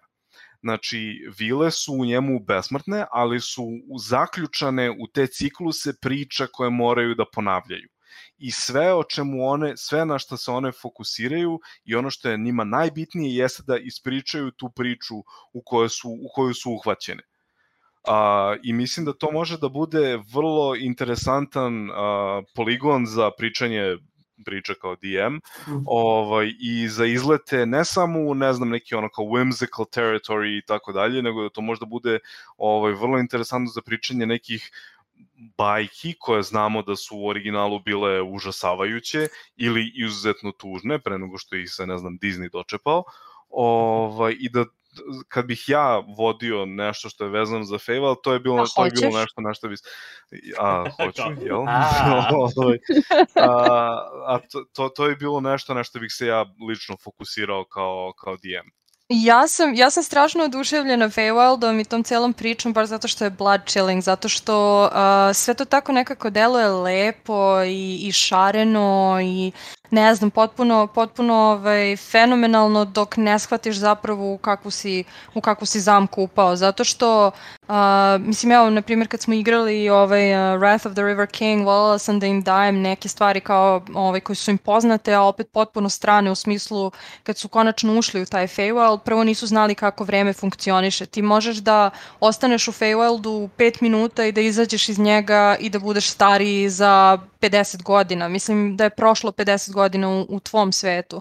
Um, to su opet neke, neke stvari koje su mi jako, jako bile uh, interesantne i, i bukvalno su bile uh, roll of the die, znači da li će oni, da li će izaći, ovaj, a da je prošlo toliko mnogo vremena ili, ili nije prošlo uopšte uh, vremena, tako da vreme je prva stvar koja mi je bila fascinantna, pa onda činjenica da je u Feywildu, da je Feywild u stvari kopija našeg sveta, odnosno Mortal, Mortal Plane-a, gde praktično sve manje više postoji, samo mm, malo je distorted. Kao, kao da sanjaš nešto što već poznaješ, ali u tvom snu to izgleda mm, malo drugačije, ali opet znaš da je to to. Pa su, na primjer, kad su ušli u Feywild u nekom trenutku su naišli na tu neku kuću koja se našla na, na ovaj obodu neke šume a, i setili su se da je to u stvari ta žuta kuća koju su, koju su videli u gradu prethodno na Mortal Plane-u pre nego što su ušli uopšte u Feywild.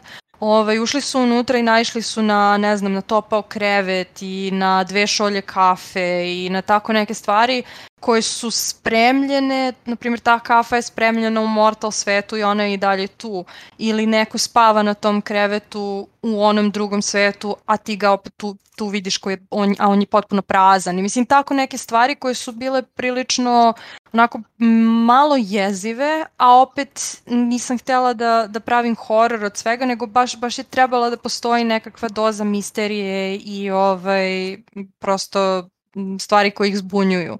Pa onda ne znam, vile koje ne mogu da lažu, ovaj, to je opet opšte poznato da kao fake creatures they can't lie i onda moraju da nađu neke druge načine da, da, da ovaj, ti, ti ovaj, da kažem, deliveruju neku informaciju koja opet nije istinita. Pa onda postoje razni načini da se, da se ide oko istine, odnosno da se oko nje igra. Pa momenti gde oni nisu zainteresovani za tvoj novac, kao što sam već spomenula, nego su zainteresovani za neka tvoja sećanja ili snove ili veštine, takve stvari. A, I ono što mi je recimo naj, naj bilo naj, najviše creepy, ono na, najviše, da kažem, chilling, eh, je taj moment gde koriste glamour, koji je, gde mogu da sakriju stvari koje, koje, koje su ovakve ili onakve u realnosti, kao na primjer što je bio taj perpetual dance, znači gde su oni non stop plesali, gde taj igrač uopšte nije primetio da, da u, u, na- naravno u prvom trenutku nije primetio da ljudi oko, oko njega umiru i da padaju mrtvi od, od egzošćena i tako dalje i to je na kraju, taj glamour je pao i na kraju je uspeo igrač da vidi ovaj, šta se tu zapravo dešava. Isto tako i hrana kojom te nude, opšte je poznato da ne treba da jedeš u Feywildu kad te bilo ko ponudi bilo čime, Ovaj, pa ta hrana koju ti daju koja izgleda prelepo i savršeno i tako dalje i onda kad glamour padne vidiš da, da su to, ne znam, tanjiri crva i truli, trulog voća i tako dalje. Mislim, ima tu svega i svačega tih sitnica i, i priča koje su toliko, koje uopšte nisu nisu fun, nisu uopšte lepe, nego sve ima tu neku, da kažem, masku um, nežnosti, lepote i čarolije i tako dalje i onda zapravo vidiš da su ta stvorenja u stvari čudovišta, da to uopšte nije sve tako lepo kao što deluje. Malo zvuči kada su bliži Shadowfellu nego Mortal Realmu. Pa dobro, Shadowfell jeste do negde drugi, drugi deo novčića koji je Feywild, otprilike. da. Mislim, ono, še, š, a, Shadowfell isto a, Mortal Plane samo Shadows, a Feywild je Mortal Plane samo Fe- k- creepy, creepy fey, fey creatures. E, nisam imao mogućnost da se bavim toliko sa Feywild, Feywildom, ali onako, koliko sam ja shvatio, to je kao the realm of trickery. A, da, tako je. Tako da ono, ne veruj, ne veruj onome što vidiš i to je to. Veruj ničemu. E, Bukvalno. mi smo, m, ja sam... A u pravom svetu. Da. Like in real life. Sve uđeš u Feywild, imao- wait a second. Da. U svojoj kampanji sam imao interakcije sa Feywildom, jedan od glavnih negativaca koji je se kasnije izvukao u- u D&D-u kad smo još igrali je bio uh, Feylord, ovo satir. Ali uh, kad si spomenula Time Dilation, uh, ima ovaj um, ovo, uh, King Arthur Pendragon, koji je uh, RPG, je isto super uradio taj aspekt sa uh, Feywildom, uh, jer uh, u svim Arthurian Legends postoji taj motiv Feywilda i s druge strane um, ovo, s druge strane je um, samo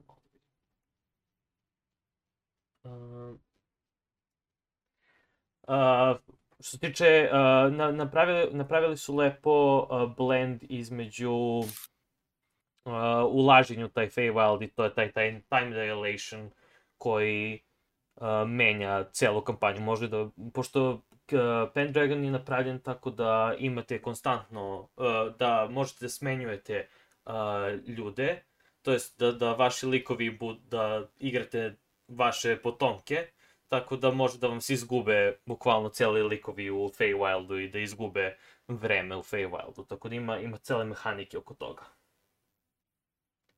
To je interesantno, nek, jedan interesantni Da, meni je, meni je zato Feywild i bio interesantan zato što ono toliko mnogo opcija imaš, toliko mnogo možeš da se igraš sa, i sa vremenom i sa ovim i sa onim, ali ono što je najinteresantnije, recimo ja, I keep track of, I, I keep losing track of time, znači ono, ajde vreme, nego, rekla sam već za vremenske uslove i vreme i tako dalje. Feywild je odličan za to. Ako zaboraviš da je bila zima, nema veze, odjednom je leto. Kako? Pa Feywild, znaš, stvari se A, a menjaju da, vrlo brzo. a, skipovali ste pola godine jer mrzim je da sad winter. Pa, Pro, prošlo je nedelju dana, čekaj Marina, kako je prošlo nedelju dana, pa juče smo bili tamo, pa kao, mm, eto ti misliš. Da, da, da, su Na- nam se A pokvarili. da li je? kako, kako izbeći, kako je, kao, jao, ide, ide tehnički u, u kampanji, ide zima, pa, u, slučajno se spotakli, svi ste upali u Feywild i odjednom je ponovo leto, idemo nastavak. Nemaš sat koji je specifično posvećen samo za Feywild, pa da vidiš koliko je to. A to je pa poenta, zato što, zato što on, on ne ne... bi radio, taj sat ne bi radio, that's the whole Tako je, point. tako je. Možda bi, možda bi u Mortal Realmu se kretao toliko brzo da ti ne vidiš kazaljku. I onda kad uđeš tek u Feywild, on su spori. možda- Pazi, ko kaže, ko kaže da u Feywildu vreme teče istom brzinom u svim delima Feywilda? sve. Tako je, ima i toga. Da. Da. A, Evo, na primjer. Uh, ja sam imala jednog, uh, jedan od tih, uh, da kažem, lo, lordića u uh, ovom uh, Wrath, of the, Wrath of the River King je bio neki mali, bukvalno ne mogu da, da se setim više kako se zvao, ali znam da su ga videli, ovaj, našli su ga prvo u toj jednoj kolibici koja je bila u Mortal Realmu i on je tu bio dete, onako baš je bio, možda imao 5-6 godina i on im je tu prvi put demonstrirao neke svoje sposobnosti, ono, blinkao sa okolo i tako dalje, ali bio je jedno slatko dete sa velikim, velikim ovaj, a, smeđim očima i plavom kos, zlatnom kosom, onako kovrđavom i bio je tako sav simpatičan. Ove, I onda su ga posle videli u Feywildu nekoliko dana kasnije kad su zapravo prešli tamo i tu je već bio onako tinejdžer, jedan angsty tinejdžer koji je bio ljut na sve. Ovaj, I onda ih je progonio bukvalno do kraja, do kraja, mislim stigli su do kraja kampanje, treba samo da je završim u nekom trenutku. Sad me, ako, ako gledaju ili ako budu gledali u nekom trenutku, verovatno će me proklinjati, pošto je bukvalno mi je ostao boss fight.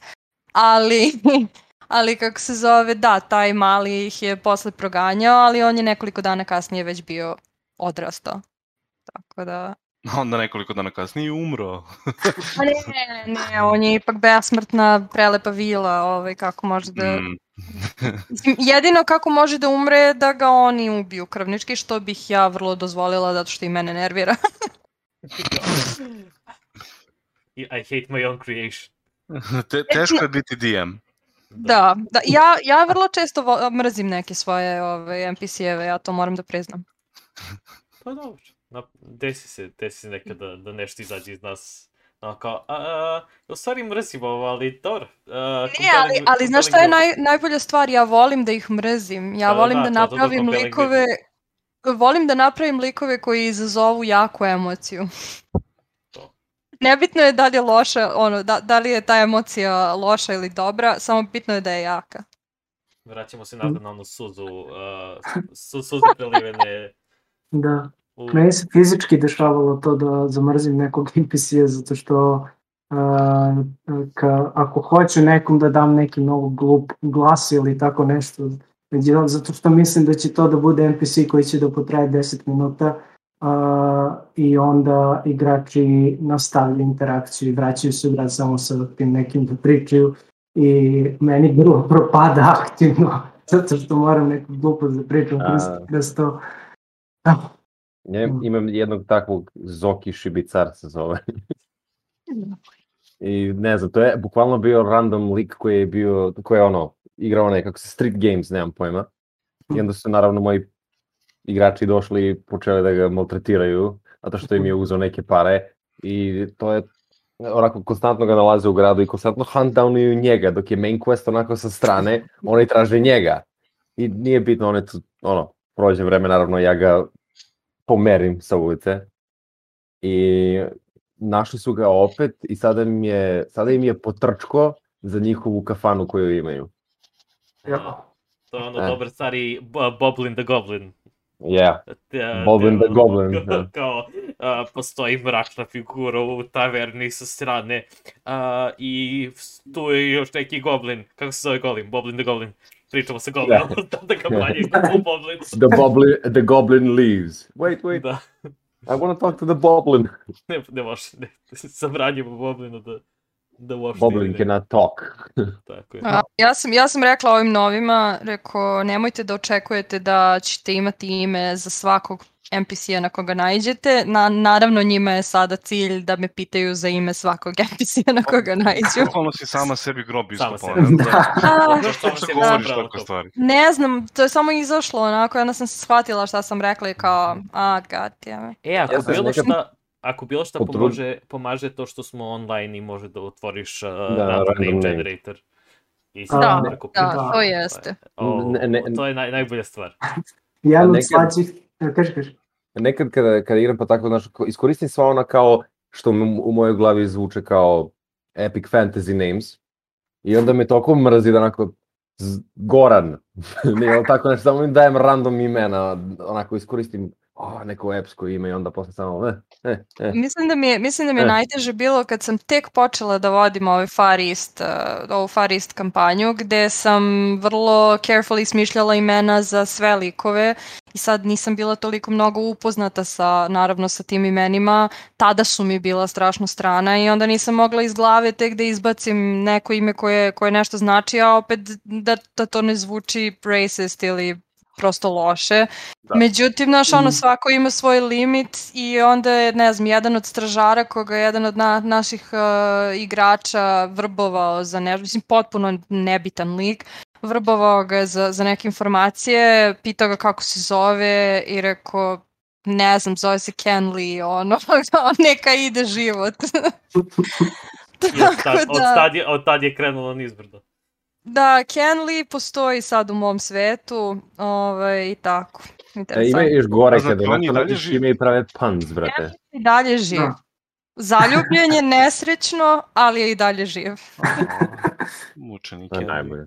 Meni je najslađi trenutak za imenovanje bio kad tako tokom cele kampanje a, traže svako, sve što mrda da, da im kaže ime i ja se mučim tu i trgam se i znojim se oko svih tih imena i onda smo došli do nekog sela gde živi cela ogromna porodica jednog od likova. I onda sam ja izvedio svesku, ej okej, dobro, ajmo sad, kako ti se zove majka, kako ti se zove otac, kako ti se tri brata, tri sestre zovu i... Deda, a deda ži- živi je, baba. Slatka osveta nekako. A zašto, je, a zašto je najgori deo? Kad ti zapravo smisliš ne, ta imena, kao mnogo si pametan, imaš random Da, i generator ne i, za to.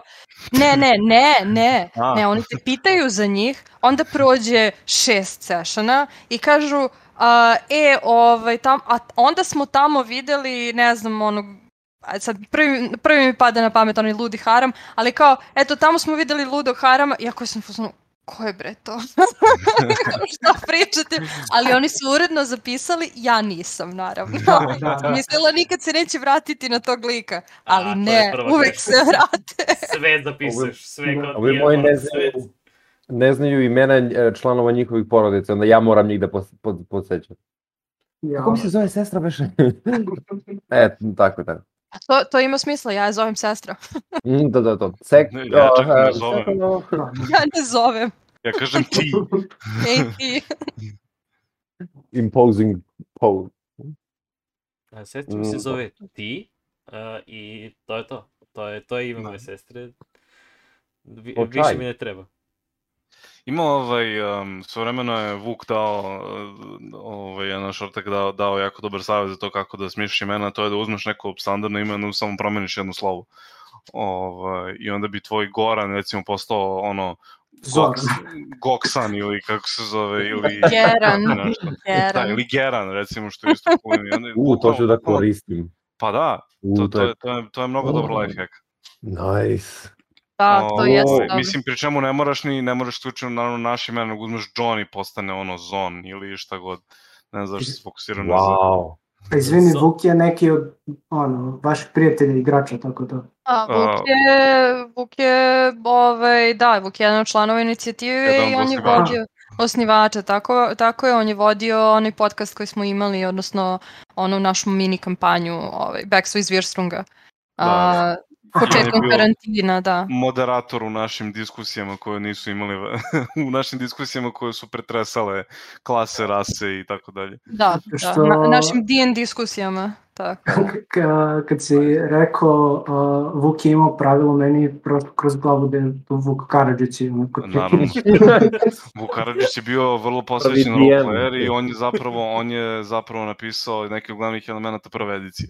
Da, On je- on je prvi pronašao Gygax, u, Gygax, ovaj, da, Gygax je tražio Tako po... je. a, da, dosta je Obradović je gurao Wargaming i zato se nisu baš volili. Tako je, to su takozvani Karadžićevi scrollovi. Ovaj, Da.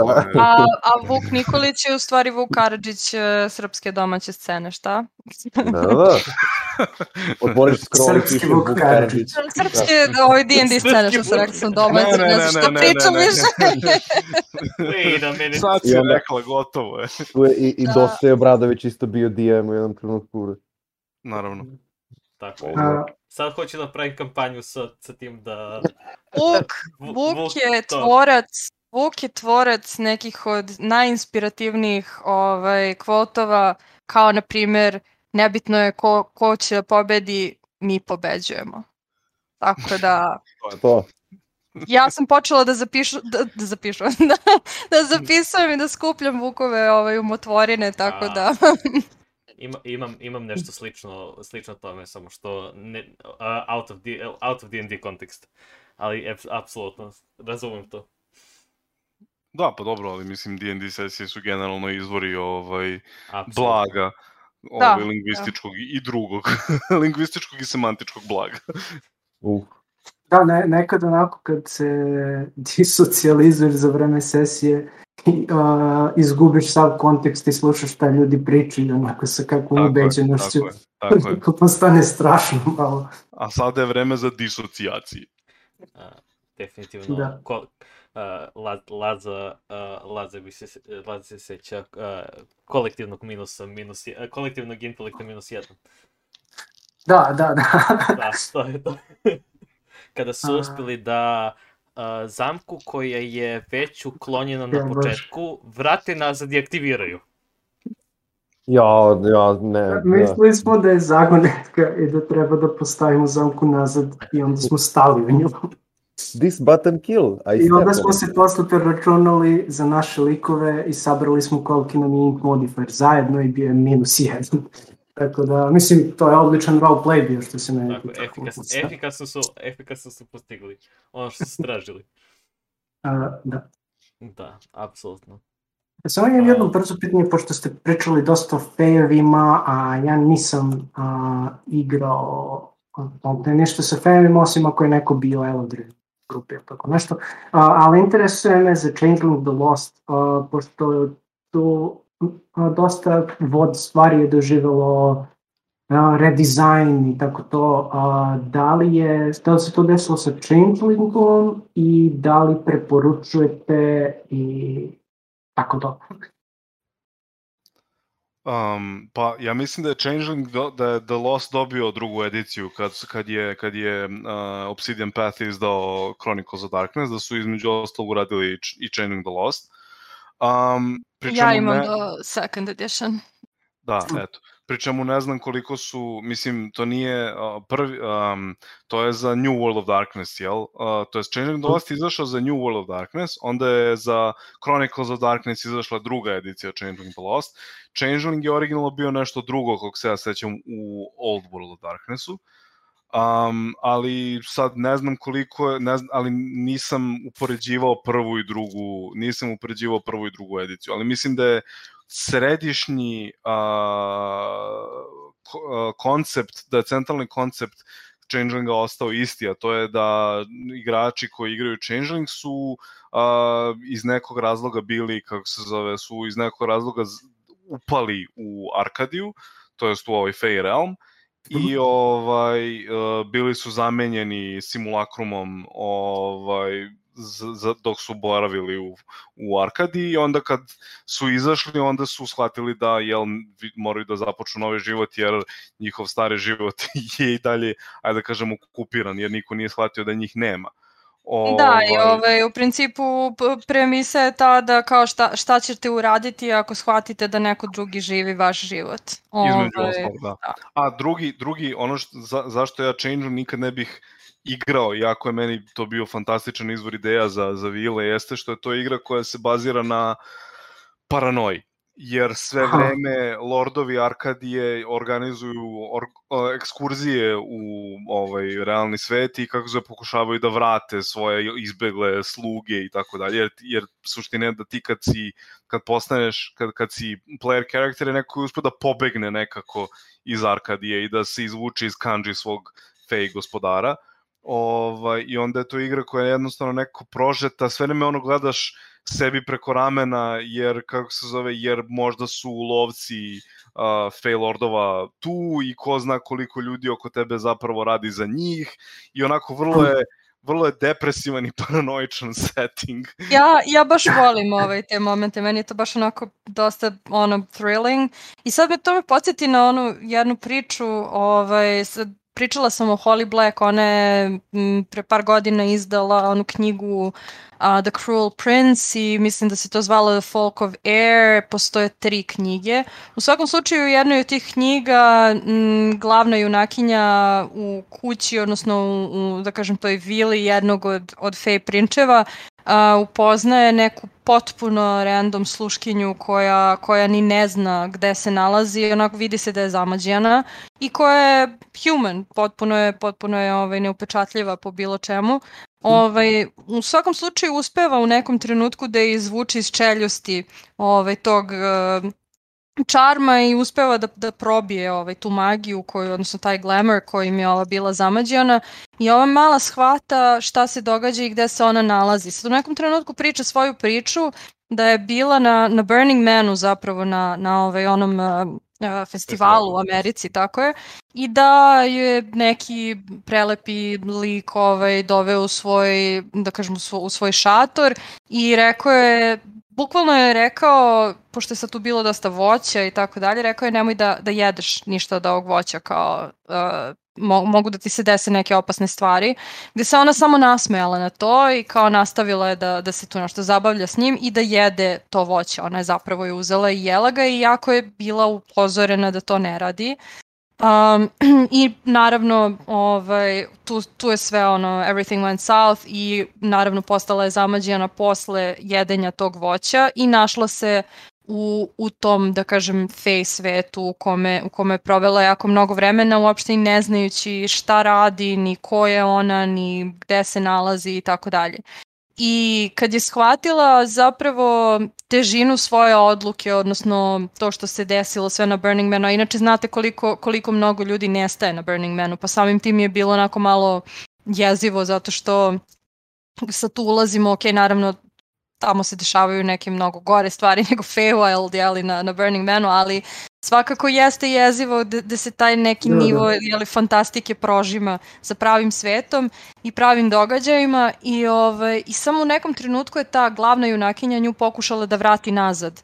Ovaj, a da bi se vratile nazad moraju na nekoj velikoj žabi da prelete praktično okean, mislim ne, neku veliku vodenu površinu ispod njih Ovaj, što je ova mala, naravno, glavna junakinja radila više puta ovaj, u svom životu i tako dalje. Međutim, ova druga to nikad nije radila. A ono što nije primetila dok su hodale, još dok su dolazile do te žabe i sve dok su se spremale da krenu je da, da ova devojka koja, koja je nestala a, sve vreme skuplja kamenje i stavlja ga u džepove. I to je moment koji, koji ova glavna nije, nije primetila, prosto pala je perception tu. I ovaj, kad su preletale taj, taj okean, odnosno tu vodenu površinu, a ta devojka se samo bacila sa, sa žabe jer nije mogla da e, nije mogla da pojmi sve što se oko nje dešava i, i taj uliv, da kažem, to je priliv svih tih ono saznanja da taj svet zaista postoji, da je okrutan toliko koliko jeste i tako dalje. To su opet neki elementi koji su meni onako baš, baš jezivi, zbog čega toliko mnogo volim Feywild i zbog čega, mislim, zbog čega mi je Changeling isto fantastičan, zato što Changeling baš radi to. Ovaj, prepliče taj neki stvarni svet kao što to radi naravno i Vampire the Masquerade, World of Darkness generalno, prepliče taj neki pravi svet sa, sa tom fantastikom koja, koja je jeziva, onako, eto, to je, to je dosta cool.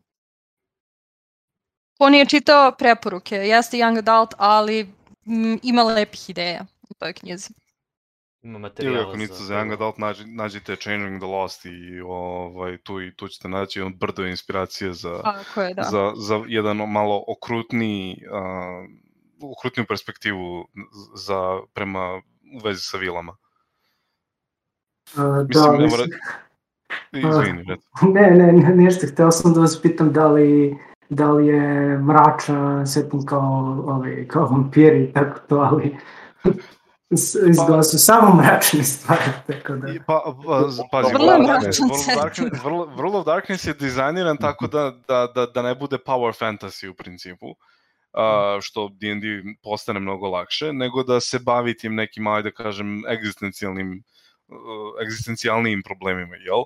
Ovaj, mislim, i vampiri se inicijalno, vampiri bi mogli da se igraju tako da se bave ono tim prokletstvom besmrtnosti i toga što nikad zapravo ne možeš da osjećaš zadovoljstvo sem kad piješ krv i to koliko to možda bude naporno i tome slično. Uh, ja bih od svih uh, od svih World of Darkness knjiga koje sam ovaj, koje sam čitao, rekao bih da je možda najdepresivnija Promethean, a onda recimo a onda, a onda bih stavio Changeling Ovaj, tako da, ovaj, gen, ali što se tiče izlačenja inspiracije, ali su zgodne za, za izlačenje ono pojedinačnih inspiracija kao hoću da napravim ono nekog fail lorda ili nekog fail okruženja ili jednostavnu ideju, lokaciju, ovaj on, za tako nešto su te knjige vrlo vrlo zgodne i inspirativne. Atmosfera, da, da, definitivno. Da, i za atmosferu. Mislim, zato što, je, zato što su njihovi, njihovi uh, handbooks su uh, prošpartani mini, ono, mini pričama koje treba da ilustruju taj setting, što je vrlo, vrlo ovaj, korisno. Mislim, ja kažem, ja nikad ne bih igrao Chain zato što mi ne, zato što mi ne odgovara taj, zato što mi se ne dopada taj ton, ali ovaj ali ne mogu da kažem da mi nije bio interesantan za istraživanje, čitanje i tako dalje. Ja bih ga vrlo igrala zato što sam mazohista, ali to je druga priča. ali ono svakom svoje, jel? Ne znam, zvuči baš interesantno i to puno ideja. Mhm. Može da se... Pa ako ništa drugo, World of Darkness knjige su krcate ovaj, dobrim idejama koje često nisu lepo pretočene u mehaniku, ali ideje su jako, jako interesantne. Skakanje iz uh, ti kako se zove, iz sistema u, sis- u sistem je, zvu- zvuči veoma interesantno, da ne pričamo o količini ideja koja može da se kupi sa, sa jednim da se prebaci u drugu. Pa i- ideje srećom ne moraju da budu okarakterisane brojevima. Da. E, da, da to, onda- to sam upravo htjela da kažem, tako je. Tako da bilo, bilo šta što vidiš u jednom, set, u jednom settingu a, možda iskoristiš za drugi. Pa onda kombinuješ, ne znam, Warhammer, World of Darkness i D&D ili šta god drugo što ti padne na pamet. Da. A, i, to da? e, mislim, World of Darkness sam po sebi može da se kombinuju, jer tehnički u istom svetu postoje. Tehnički da, mislim to što Da, sad zato e, ono ne, neka neka ideja koju sam kojom se ja nosio svoje vremena je bilo da sastavimo neku varijantu Ligi izuzetnih džentlmena u kojoj bi jedan igrač bi bio changeling, jedan igrač Da, bio vampir, pa, jedan bi bio Svako svoj tako ima, dalje. svako svoj book ima. Tako je. Svako je svoj tip na, naravnog bića, ali nažalost te a, ne, ne preklapaju se baš najsrećnije ni po nivou moći, ni po jednostavnom načinu na koji te moći interaguju. Tako da, više je ipak da, možda da najbolje postoje, držati ali ih. da se igraju ono, da se igraju izolovano, u par, partije se igraju izolovano i ostale stvari su negativci u tim partijama, ili Alex. Mo, teorijski da. Mislim, vampiri za početak su jako teški izigrati sa drugim igračima, zašto jednostavno pola ovaj 24 časovnog ciklusa su oni potpuno ono van Da. su potpuno neoperativni jer moraju da spavaju. Da. Tako da to, to je značajan faktor ovaj za jednog za jednog od najpopularnijih ovaj ne, nadprirodnih bića. Da. Ali same ideje koje su tu, mislim, su ono, to, te knjige su krcate idejama koje možete iskoristiti za nešto drugo. Da, da. A, mislim, za, verovatno bi mogla se objediniti, ali trebalo bi baš velika priprema i malo ne da se napravi zaseban sistem koji bi mogao da podrži sve to.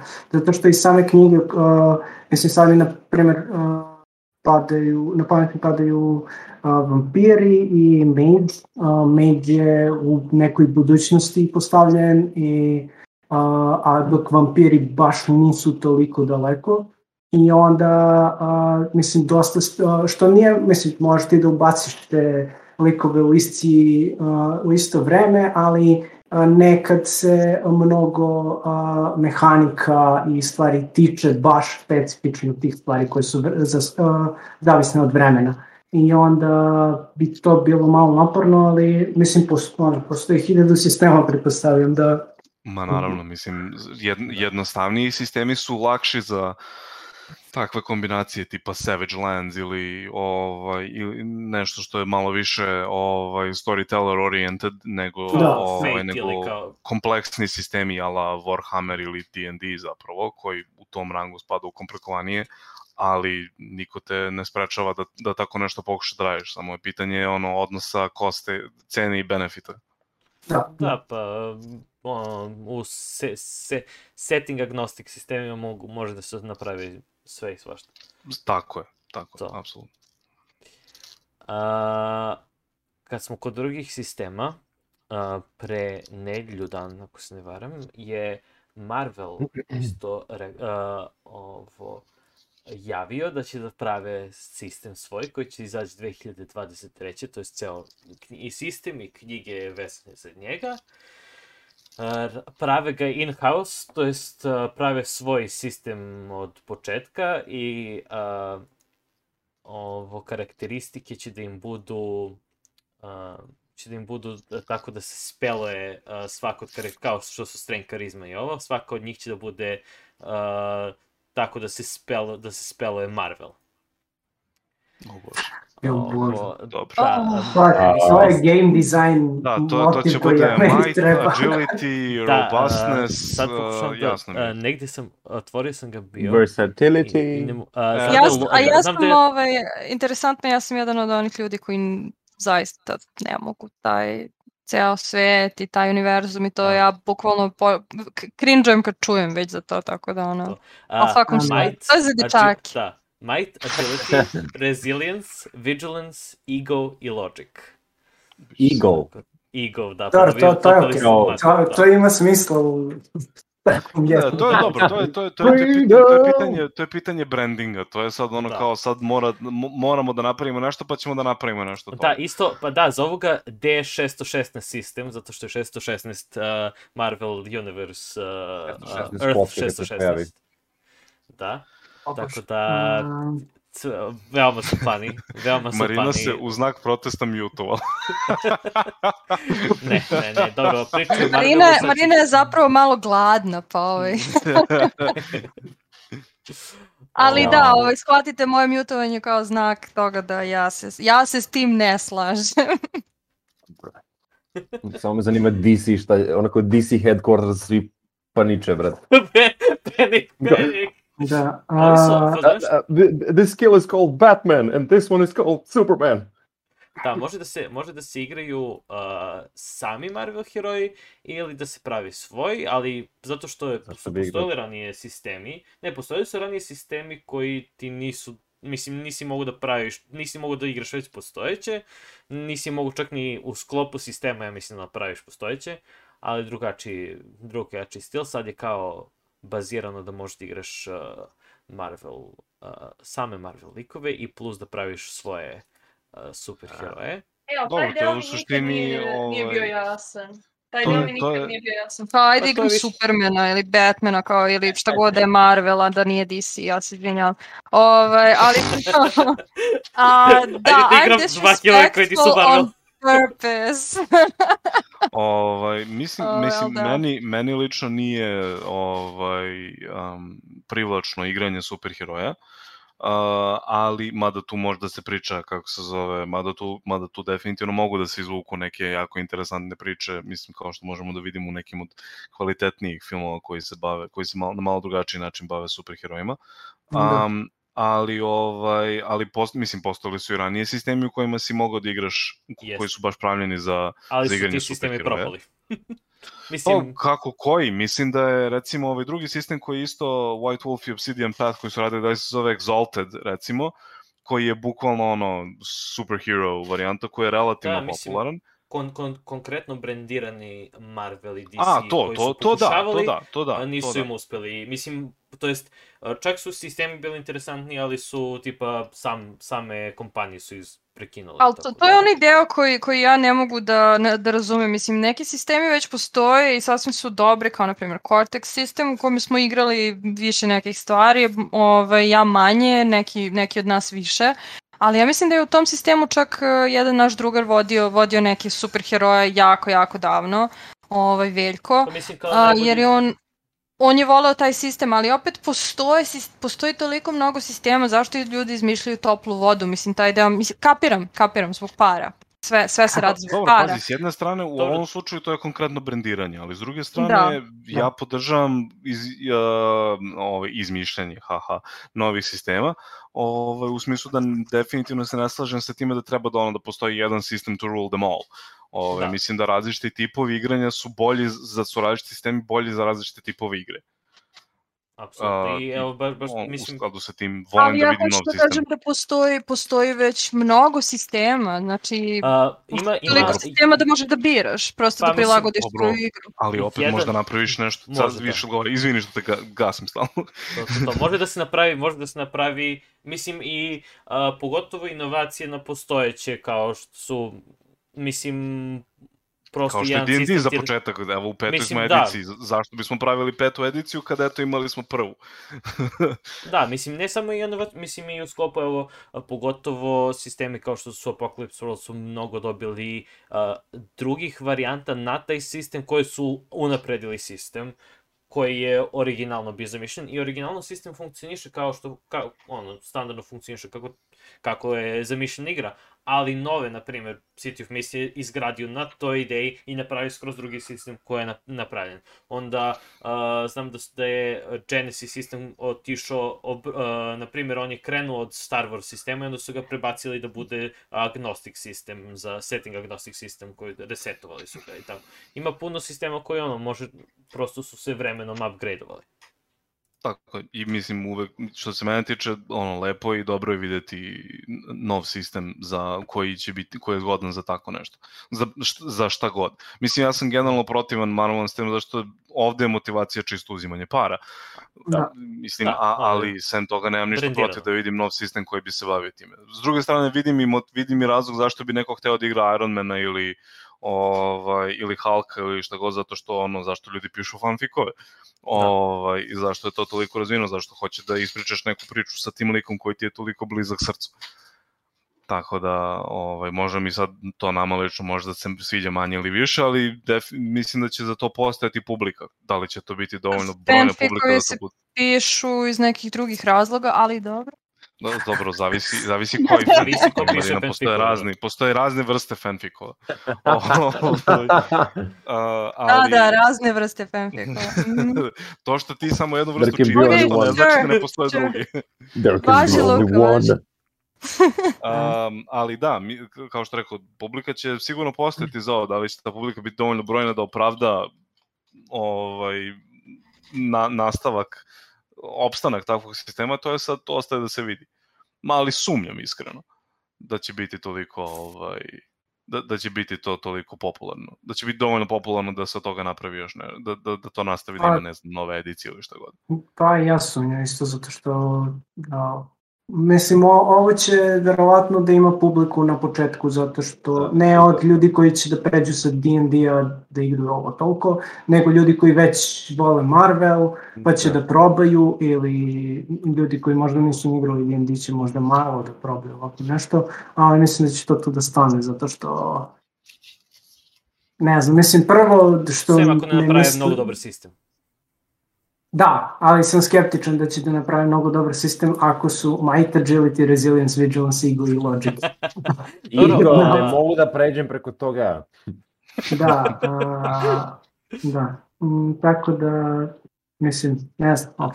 A, ako mogu da pomenem drugi RPG sistem koji a, izlazi uskoro ili kako Ka, kad smo kod, uh, kad smo kod uh, fanfictiona i... da, kad smo kod, kod fanfictiona i tih stvari... Uh, ja ništa treba... nisam rekla. Ja mi se ovaj segway. Zanima kuda će da ode. uh, da, uh, uskoro treba uh, da izađe uh, Our Minerva ili uh, naša Minerva, ne znam, da. uh, je, uh, kako oni kažu, uh, kao legacy igre, sportske igre i dating simovi. Legacy, mislim od tih stvari, legacy igre su one kao kao što su Risk Legacy, Pandemic Legacy igre, to društvene igre u kojima se uh, ra, uh, dešava kampanja. Mislim kao i Gloomhaven koji da. smo pominjali. Uh, I u suštini tokom igre svet, odnosno tabla se menja i trajno, to je trajno se menja tako što se lepe neke stvari, cepaju neke stvari, bacaju i tako dalje. Uh, grota, ali uh, ovo je RPG koji to koristi i ovaj RPG neće da ima GM-a, to je bilo kakvog game mastera. Da, šta god.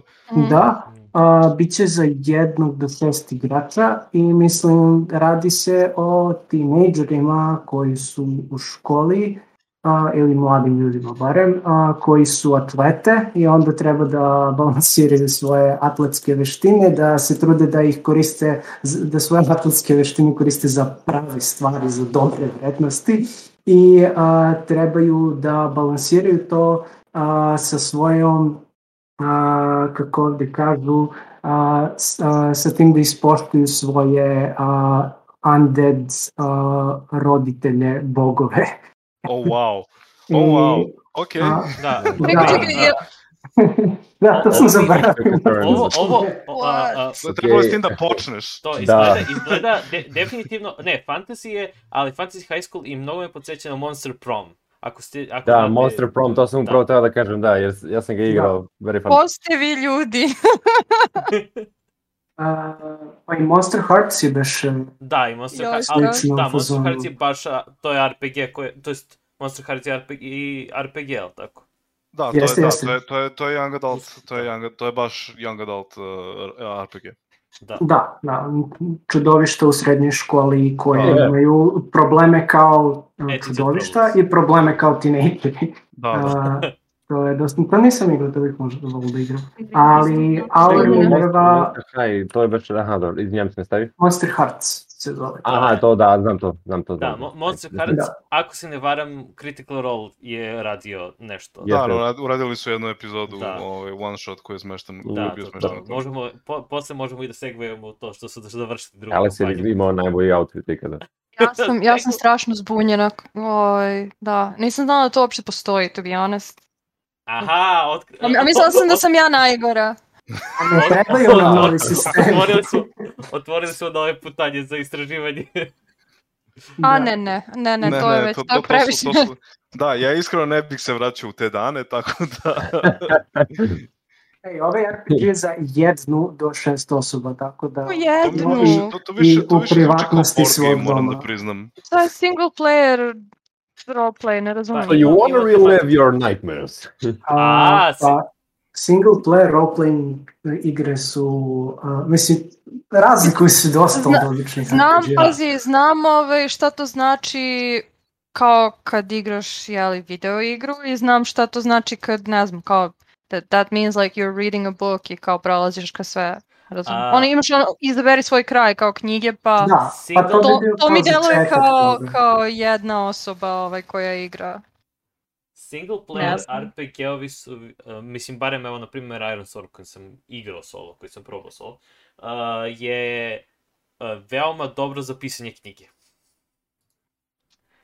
Jer, Da, uh, pa, ta- eto, tako svako se, ima je, motivacije. bukvalno, bukvalno je bukvalno je sistem u kome ako hoćeš da ako hoćeš možeš da u celu kampanju ispišeš i da je pretvoriš u neki short story ili tako nešto. Ali da, that's called being a DM. Zato mi nije ali jasno. ako, Ne, ne, ali ne, ako ne, ne, ne. možeš da se uklopiš sa igračima, Ne, da, moram da kažem da, da DM zahteva, kako se zove, jednu dozu fleksibilnosti koju biti pisac ne zahteva. Ovaj, Da, ali onda da, that's to called zna- being a pisac. Je to, je, pa da, ali to, to je ona čuvena priča, ako imaš, neku, ako imaš neku priču koju hoćeš da ispričaš i kako zove, a smeti to što igrači hoće da urade, onda postane, onda napiši knjigu, a nemoj da To, to, vodiš to. kampanju. ili Tako sol, da- ali s druge strane ima, ima, i, ima i aspekta uh, do, uh, igraš solo RPG i dalje bacaš kockice i dalje nije nesigurno šta će se desiti, onda samo, se, samo si sam sebi DM. Da.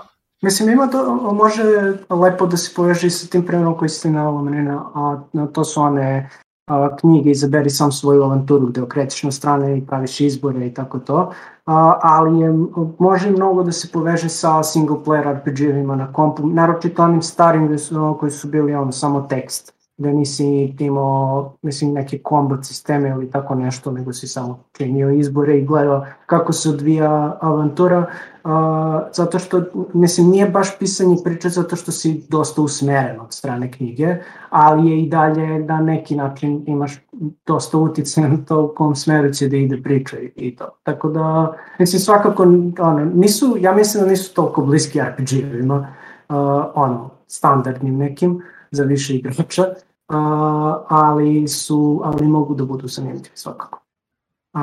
Ali ako, si, ako je neko razmišljao da piše Young Adult knjigu i treba i motivacija za početak, možda Our Minerva za jednog igrača može da bude dobra daska za takav neki početak. Um, zrikavci. da. Sutra počinje moj young adult novel. Dobro. Yep. A, Na- Tumbleweed, nastavak rolling, rolling tumbleweed. Je, je. da, Prolazi preko ekrana. zrikavci tu electric bugu. bugu. O, ja, čisto da se razumemo, young adult, I, I use it as inspiration. Ja nisam neki veliki fan ili aspiring writer. Ali može da budeš. E, Ali da li želim da budem? A. Upravo to, ali da li želim da budem? Nikad se ne zna dok te probaš. Pa dobro. Da. Mislim da Kratak ste je me život. možda pogrešno shvatili. Život je previše kratak da baš sve probam. da. Uključujući da budem YA pisac. Ko zna, možda su dobre pare u tome, ono, ako, ako ikad propadnem u Dobre životu. pare definitivno jesu u tome. Mhm. Ovaj, samo je teško probiti se na tržište. Da, da, to je istina. Sve je već napisano. Pa, e, pobogu. Marina. you played all the songs. Da. Tako da, uh, ja mislim da je to otprilike to. Mislim, uh, Critical Role je završio svoj, svoju drugu kampanju Evo, ja, i ja, najavili su, najavili su mini kampanju koja će da ih uh, prebrodi do treće. Da, A, da, znači planiraju treću, jel? A Da, planiraju da, treću odmah posle, a, odmah posle, o, posle ove mini kampanje. Mini kampanju ne vodi Mercer, verovali ili ne. Mercer će da igra. Drago da, mi je, drago mi je, no. I bit će osam epizoda, tako da je možda a, prvi put da nije one shot da je da Critical Role radi nešto veoma ono digestible da možete da, da odgledate i to je to. Mini kampanja osam epizoda u njihovom svetu. Ko vodi? A, E, vodi da. Aubrey Iyengar. Da. Da. Ovaj, da kako se, mislim, meni je ona jako simpatična, ovaj, vidio sam je, u, pa- slušao sam je u par navrata i deluje mi jako simpatično, tako da ja se iskreno tome radujem. Igra, igra Matt, igra Liam, a, igra, Igra Ashley, Ashley. I a, igra Amy- ova voice Amy actress Carrero za... i Tako je. Robert uh, Damon. On je Spider-Man u, u Animated Da, Robbie Damon je Spider-Man, a, A je Amy Carrero je u Shira, da. Mhm, mhm. Wow. Ovaj, ekipa deluje to. skroz simpatično, Mhm. meni je drago da ću da vidim one shot u kojem, kako se koji vodi Obrija, ja se tome iskreno najviše radujem. Ovaj, tako da, a vidjet ćemo šta će bude treća kampanja. Mislim, druga se završila tako kako se završila i to Da. je to. Brzo, mada dobro i ona prva ime koliko bila. Pa ne bih se složio da je brzo, Mm, 140 brzo. epizoda definitivno nije brzo. brzo, brzo. Mislim, Ja mislim- duže, ja mislim da ima više epizoda nego prva. Prva ima 117. Prva je da da, tako da, nešto. Da, da, da. Da. jeste, Jedino što su prvo oni počeli, mislim, epizode su počele kad su oni već bili na sedmom nivou, pa su onda već odradili izvesnu količinu stvari. Da. Ne Da, znam, oni su valjda prešli sa Pathfindera, tako nešto. Tako je, Da, da, tako je, da, prilagodili su Da, da. Pathfinder Cats na, za D&D 5. Možda je Mhm. meni, ne znam, relativno brzo sve to prošlo, jer oni, mislim da su čak, nisu do 15. nivoa su snili. A, pa praktično su levelovani na 16 kad su... Ne mi reći ovaj, spoilers, no spoilers. Da, da. Nisam nešto do, gledao. do, kraja, Da, do da. kraja, reću ovako, do kraja kampanje su 16. nivo. Dobro, uh, I'm sweating here. A, da li su svi 16 savdete ako gledate Critical? Na 134 Mislim, Ali su ja sam gledao, tako da mogu da vam kažem šta vas Ne, interesuje. Ne, ne, ne, ne, ne, ne. Kažem nećemo mogu, ne spoiler- kažem da hoću.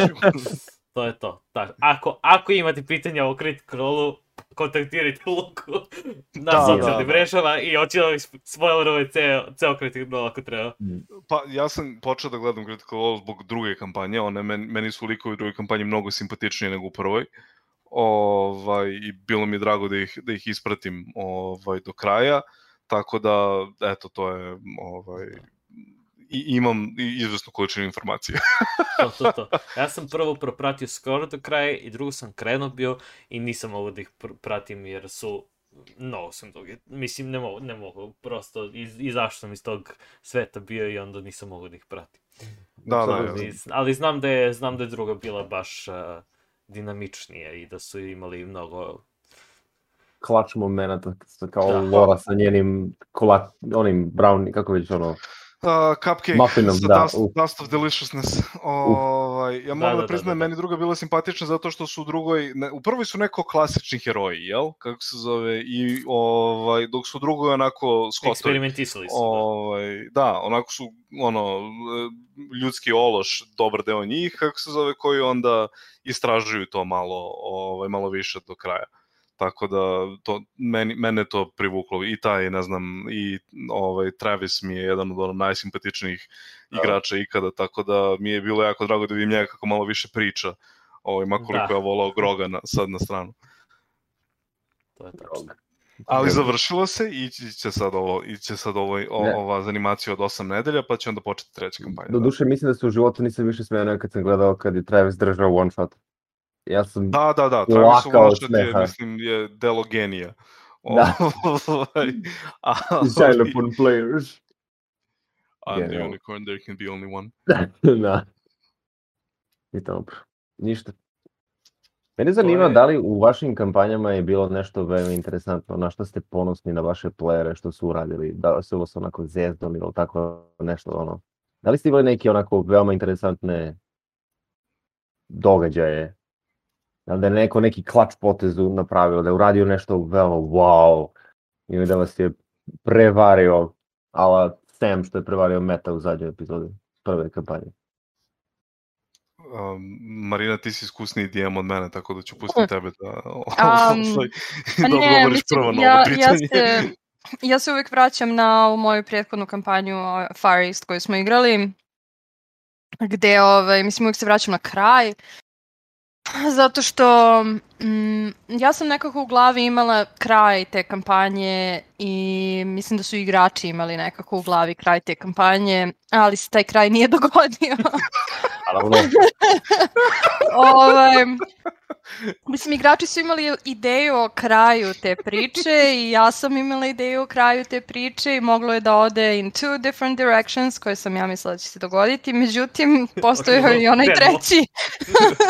I onaj treći na koji niko nije računao. Um, e, sad, long story short, e, dva playable, znači dva igrača, dva PC-a, i jedan NPC su bili zarobljeni u tom nekom drvetu koji je imalo ovaj, one plodove kao, to, to se zove winter cherry ili Chinese lantern plant. Znači, to su kao nekakvi, izgledaju kao fenjeri ti plodovi i ovaj, a, unutra, unutra je plod naravno, unutar te opne i oni su vrlo crveni. Igrači su bili, njihove duše su bile zarub, zarobljene u, u tim plodovima Između ostalog i ovaj, moj, moj lik. između ostalog i Lukin lik, tako je, koji se predao samovoljno. Znači, bila je cijela jedna scena borbe gde se na kraju Lukin lik i još jedan ovaj, igrač su se predali jer nisu imali gde. I bili su zarobljeni. Sad oni su o tim eh, plodovima čitali neposredno pred taj poslednji, kažem, boss fight. I znali su o čemu se radi. I sad druga dva igrača su diskutovali o tome i ovaj, već su mislili da je jedan od igrača zarobljen unutra.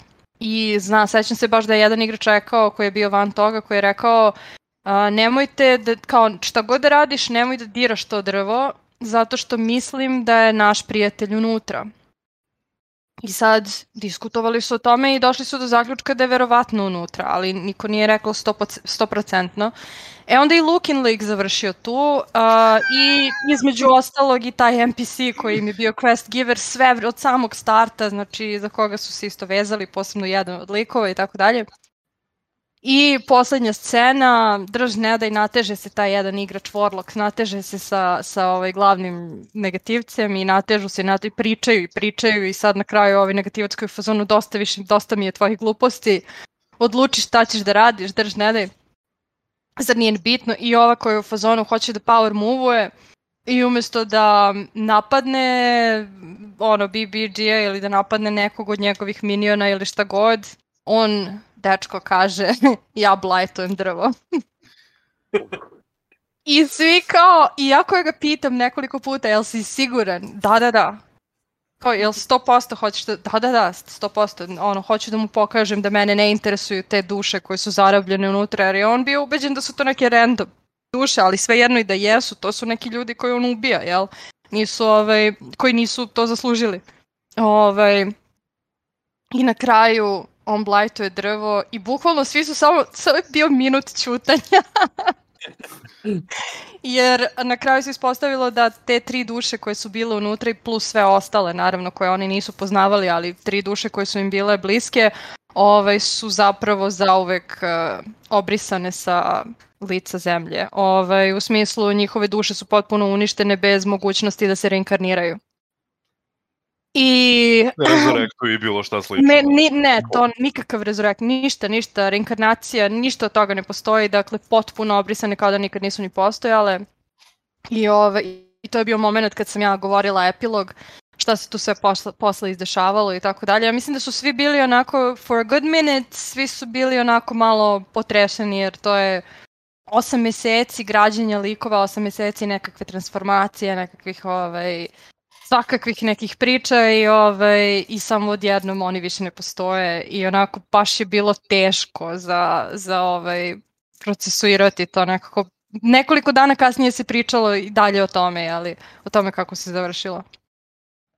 Ali na kraju dana ja nisam ljuta zbog toga zato što smatram da je taj potez kakav god da je bio i kakav god da, je nes, da se nesporazum tu dogodio, smatram da je taj potez zapravo bio m, dao nekakav flavor toj celoj priči, sad kad gledam iz ove perspektive. Ovaj, mada ja sam neko ko voli tragedije, pa je meni to ovaj, bilo onako mle. Ali tad mi, tad mi nije, o, čefski jes, tad mi nije bilo sve jedno, moram da priznam, i možda sam bila malo salty, ali sad kad gledam iz ove perspektive, nekako je zapravo ispalo prilično cool. Poetično, I dalo poetično. nam je, tako, i dalo nam je, uh, dalo nam je praktično, otvorilo nam je uh, mogućnost da pravimo sequel, odnosno koji se sad zove Soul Seekers zato što ovaj, uh, neki likovi koji su nastali, odnosno jedan lik koji je nastavio iz prethodne kampanje sa istim likom, ovaj, zapravo njego, nje, njegova glavna njegov glavni quest je da nađe te duše, odnosno da ih ponovo sastavi, pa su tragali za nekim jako moćnim šamanom i tako Zato dalje. se kampanja zove Soul Zato se zove Soul Seekers, tako je. Zato što je cela ideja bila da se to radi, međutim kako se stvari odvijaju, ovaj, malo, malo nam fokus odvlače neke Mislim druge, da- neke da druge neće- dešavanja. Uh, the, the souls will not be seeked. Uh, Well, Da. they will be, ali ovaj, Ne, postoje... ne, sa- stvar je u tome što je to sad svedeno na nivo jednog vrlo značajnog side questa. Ovaj, pa Da, da. I sad je najznačajnije da... da zaustavimo No. invaziju fantasy Japanu u fantasy Koreju. Tako je, tako je. Ovaj, Like ja do. trenutno uh, ja trenutno vodim dve kampanje, ovaj koje su iste, a, ali sa različitim ekipama. Um, I mislim bilo je tu sad raznih momenta. Kampanja gde palimo sela.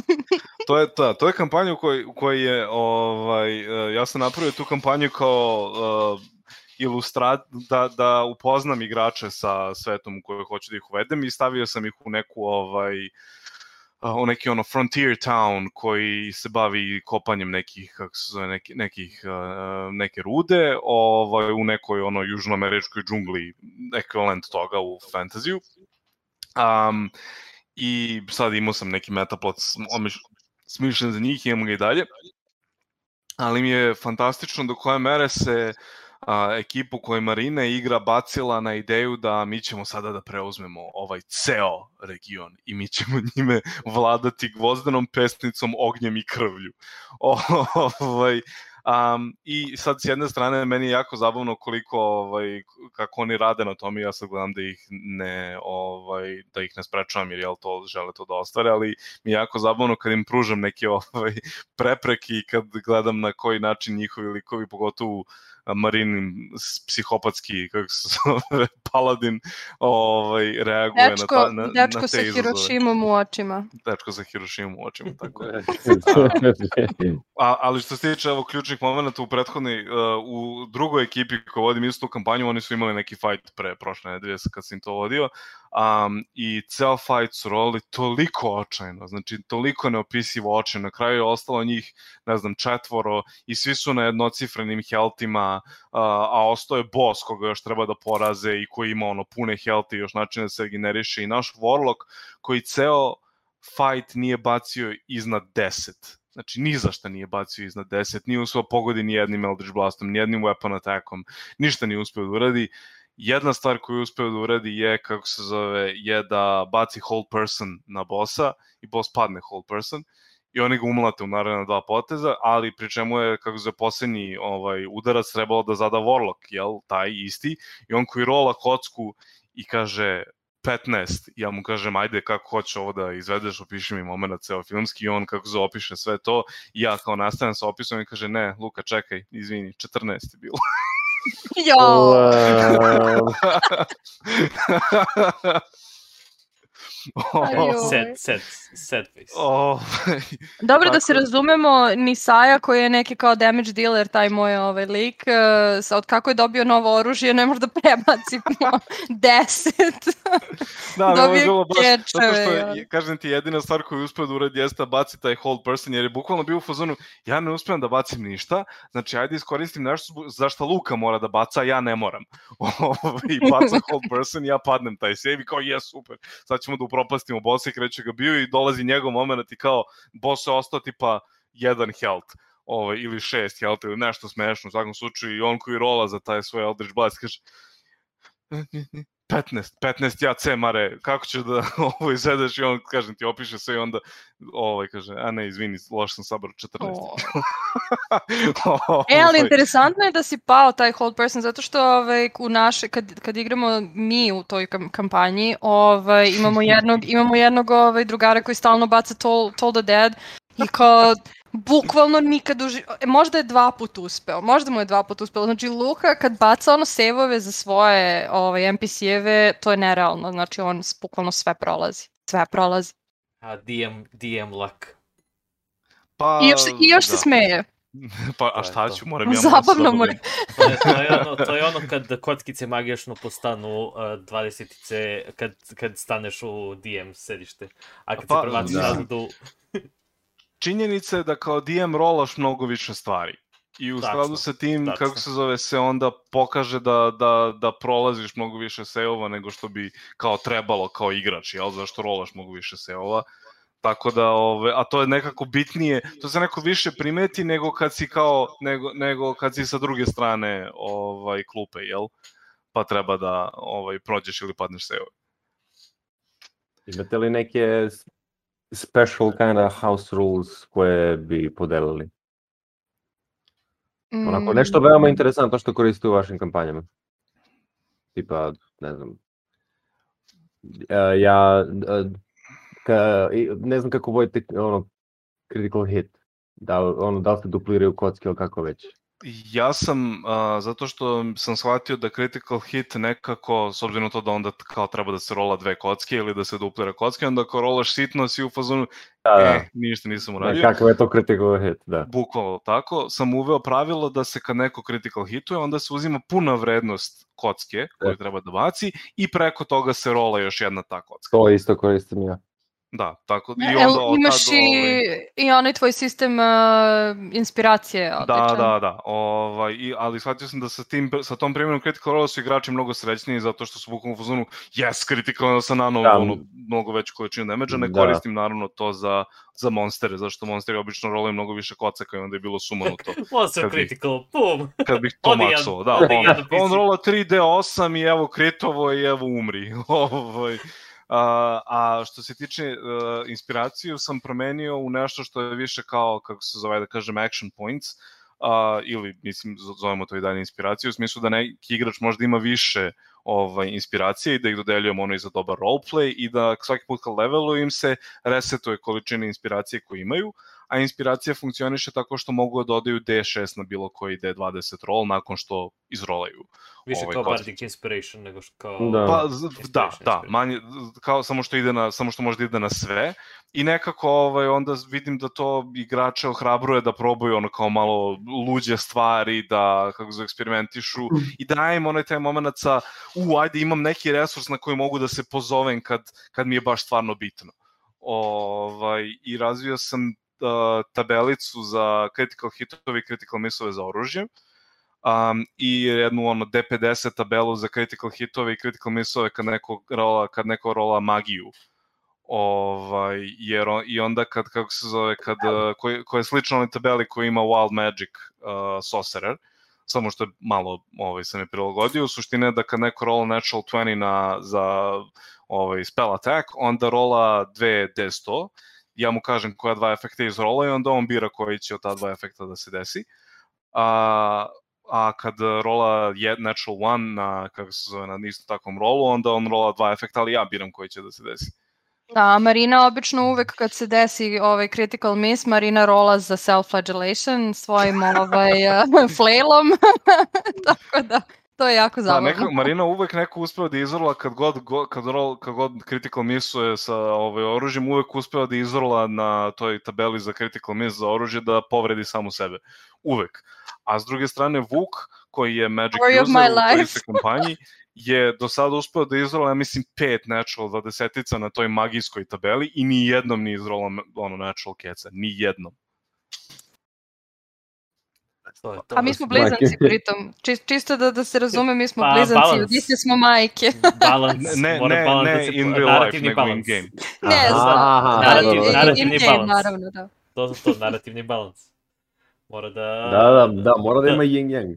The dice Tako god, je, the dice Stvari- god stu- Ima u stvari ja sam sad shvatila zašto je, zašto je ovaj Saja toliko brudi i zašto je toliko mračan. Zato što mu ništa ne ide od ruke. Brat, Oh, you brat like my brother, not me. Dobro. Tako da, ako vas interesuju ti, ovaj, te, taj homebrew koji sam napravio, mogu da vam ono, pošlem link za GDoc, pa kako zove, ako vam, a, ako, ako vam je interesantno, možete ga koristiti. Ja, ne, tipa isto što se tiče, ne znam, a to je baš u Critical Role bilo da mogu da se iskoriste za bonus action health potovi. A, to je bilo u prvoj kampanji, mislim da u drugoj kampanji više ne rade to, ali nisam siguran. Dobro.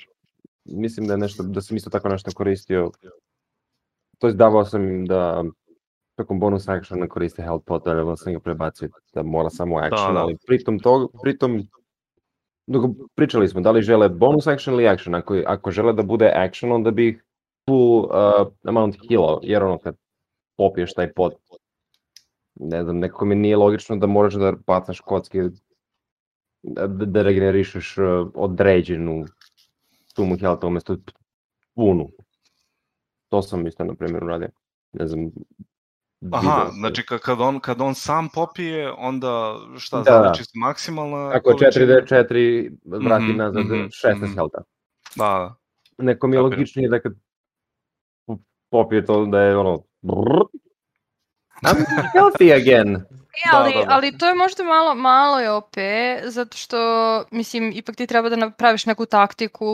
Ja, svi bismo voljeli da je Health Potion bonus akcija, ali to opet, ne, mislim, ja bi prva voljela, pošto se ja stalno padam, ovaj, ali, ali cijela point je da on, onda bi to oduzelo um, prednost, odnosno oduzelo bi taj neki edge ovaj, vašim napadačima, jel? I Da. onda bi nekako postalo možda prelako, ne znam. Ja se nasmejem malo pre zato što sam napravio item ovaj, koji je bukvalno ono, uh, ono vrećica koja stoji oko pojasa i koja je tako napravljena da kad, pije, kad iz nje povučeš potion, onda ga piješ kao bonus akciju. Ovaj, I smejem se zato što sam, ovaj, zato što su Mari, zato što je Marina ekipa imala priliku da mazne taj item u prošlom fajtu, ali nisu uspeli da ga nađu. Kome bilo? It's Konkretno gone, Marina nije uspela da ga nađe. A, okej, dobro, ima smisla, da, da, da. Zato što sam rolala pet na, Da, na ono tako kao je. perception, investigation, šta god. Sledeći session, uh, Ovaj. let's go back over there. E, vratili smo se, vratili smo se, ali tela nisu bila bili tu. tu. A, Hmm, Conveniently. da. I- Imam, imao sam objašnjenje za to. Aha, Da, da, za, zato sad Saja posle svega toga, odnosno Marina, uh, je spremna da, odnosno je spreman da ide da, da spali selo iz Ovo besa. samo zašto nije našla item za koji nije ni znala. A, a neko, neko će da ima taj item u budućnosti, negde je taj item otišao, tako da. Je. Tako je, tako je, tako je. Pa po- s obzirom da, da je Eberron svet u kojem je magija ono manje više industrializovana, onda će Da, da. vrlo verovatno moći da ga kupe negde, samo da dođu do nekog mesta na kojem mogu da ga kupe. Da, ne, neko je mass to je isto, to je isto ono mesto gde ima ovaj, estetske hirurgije, jel tako, gde mogu Tako je, ovaj, da, tako da je. sredim svoje Upravo lice.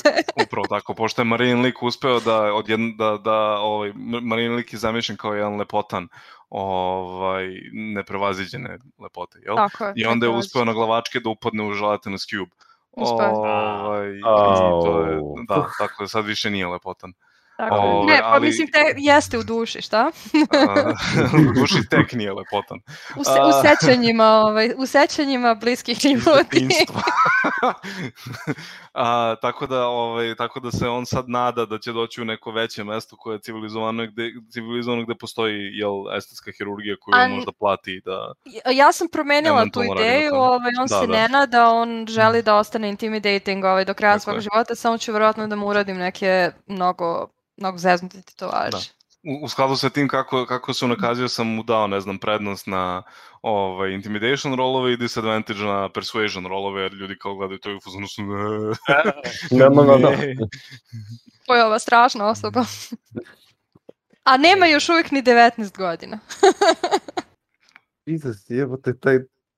Pa do... Kroz šta je prošlo sve, dečko? Ne, on je, on je vrlo E. traumiran. Jako je traumiran.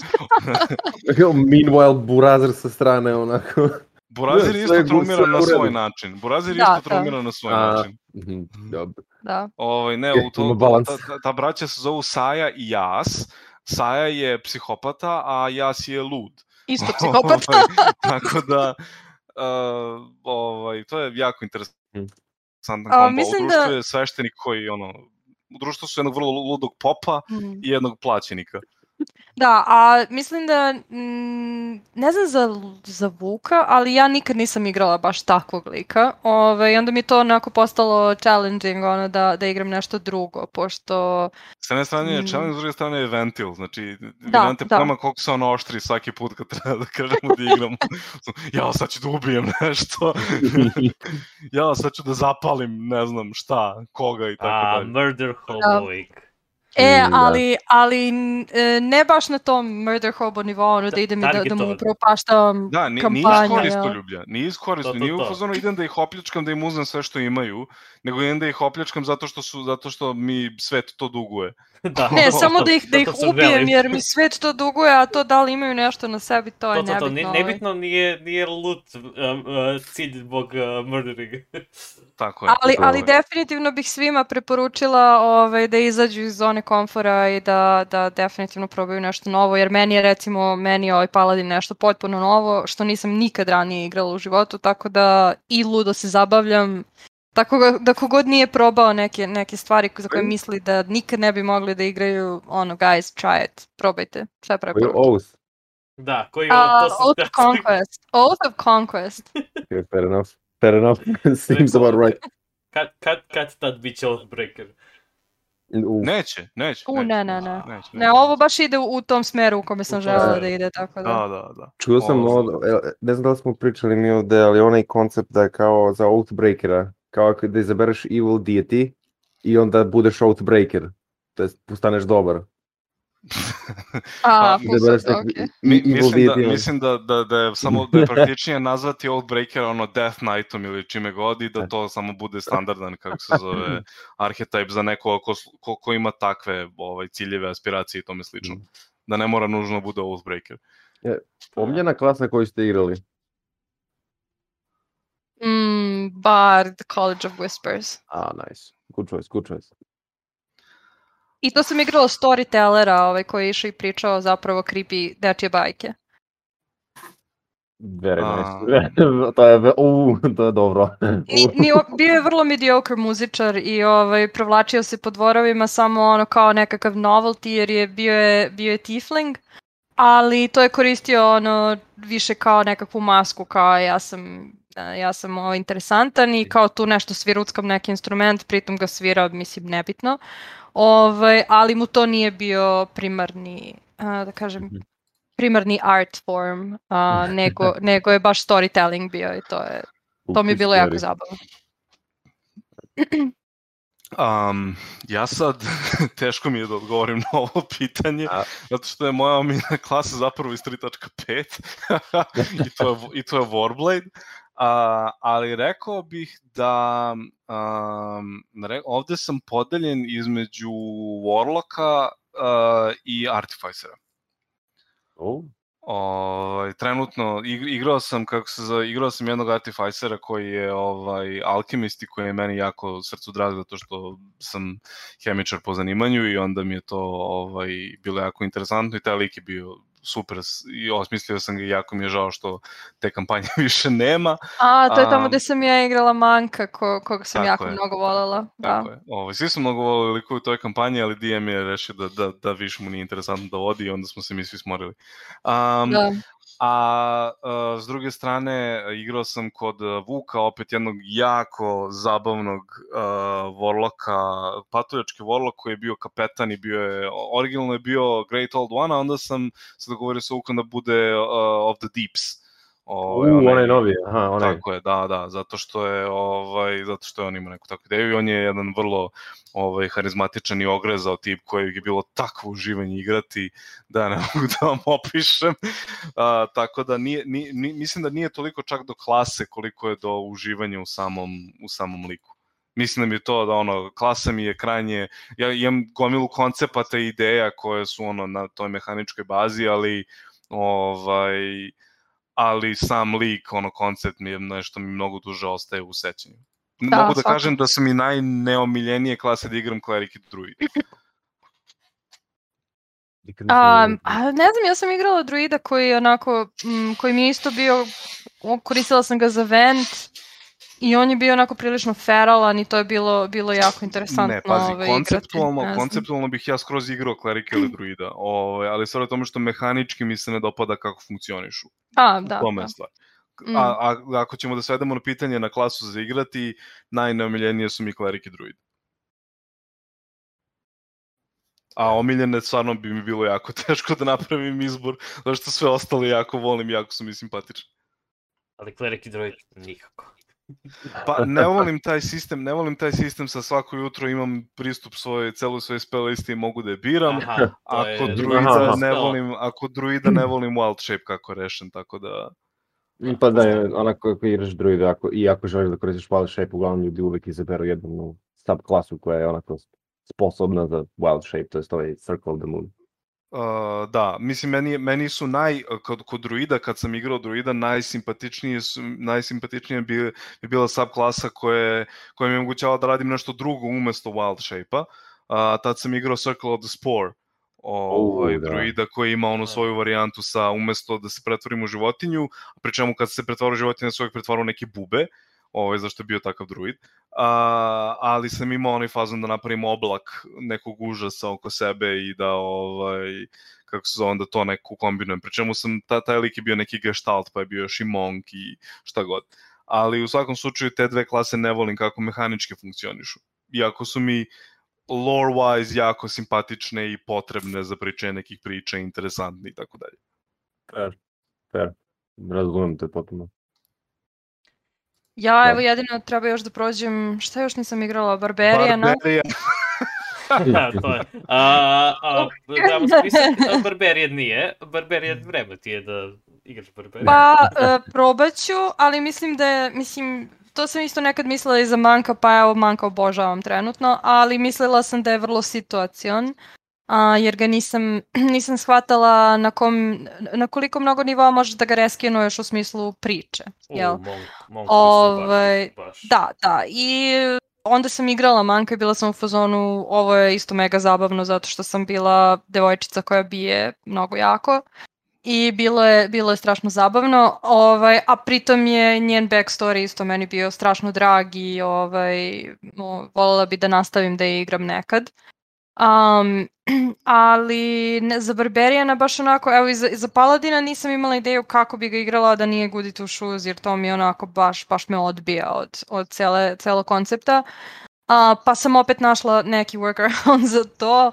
A, e sad za Barberijana baš onako, pff, ne, ri- ništa ri- mi ne pada na pamet. Riznica, Riznica uh, promoted uh, Barbarian plus Rogue. Uh, mislim da smo ga tri puta E, da. spomenuli. Uh, Tri put smo ga pomenuli, E, ali, Barbarian ali Rogue. e, ne, ne, ne igra mi se, hoću da napravim koncept Čisto.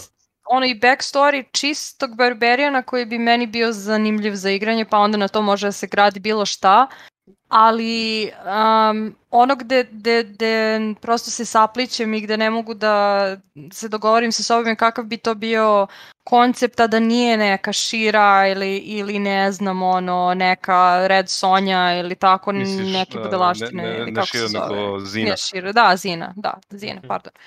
A, Zina ili, ili Red Sonja i kao ne mogu te, te koncepte više, baš mi je muka od toga i mislim, vrlo mi je kliše. o tome. Da, A, mislim, ne. mislim da oni imaju puno subklasa koje mogu da se... Da, da, Pa, da. e, mislim, jednostavno Imam je pitanje, problem.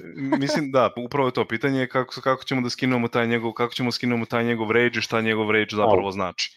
Ovaj, zato što uopšte Pazi, ne mora da bude rage. Naravno, drugo. u neku ruku Isaja upada u rage, ali ne u mehanički rage, nego u Upravo tako, story, upravo tako. storytelling rage, razumeš, Upravo ali cela ta pozadina Barberijana kao, kao, ne znam, nomada ili nekoga ko ono kao je živeo kako je živeo, mislim svi znamo kako Barberijan ili, ili žive u svojim trajbovima i tako dalje i sve, mislim, taj moment mi je nešto što hoću E, da to je ono- prevaziđem, znaš. Da, to, to je ono što, mislim, prosto mi je interesantno da, da, da, da zaboravljaš da smo, recimo, baš ono, bukvalno, Vuk i ja smo pravili onog njegovog barberina, ako se sećaš, koji je bio, koji je, koji uopšte nije bio barberijan, nego je bio učenjak koji ima neke magične moći koje kad ga preuzme, on, on Jeste, poraste da, i da, postane da. ono, nešto Hulk. drugo, jel? Bukvalno Da, Hulk. da. Pravili smo štrebera koji, koji ima u sebi Giant's Blood. A, Hulk. Ovaj, i, onda, I onda kad ga aktivira postane ono, kreću munje da pucaju oko njega i on se poveća i ne znam šta. Nice. Ovaj, tako da sve je to samo pitanje skina. To je to. O, Da, da, da, tako to, da- samo skin, ništa drugo. To je to. Ne, re, reskinning je ono jedna od ključnih veština koje treba savladati kao, pr, mislim, više kao DM, a onda, Da. a jako je korisno savladati kao igrač. Ja sam imao problem gde lik, moj igrač, ne ovi što sad trenutno vodim, ali neki prethodni, nisu, nisu mogli da, nisu razumeli šta, da sam hteo da riskinujem samo, da im dam onako spin, storyline spin, da, da sve bude logično onako, da su bili zbunjeni, kako to pa ne razumem, pa ne, ne, ne kapiram, pa kako je to, rage? Ne razumem, samo sam ih zbunio slučajno. Ali, e, Slučajno. Da, uh, Barbarian plus Rogue jednako Reckless jednako uvek, uh, kako se zove? Uvijek Ovaj, sneak attack. Sneak attack, da. Da. Da. The Owl Bear. da, tako je to. to. A, Ja ja sam impresioniran.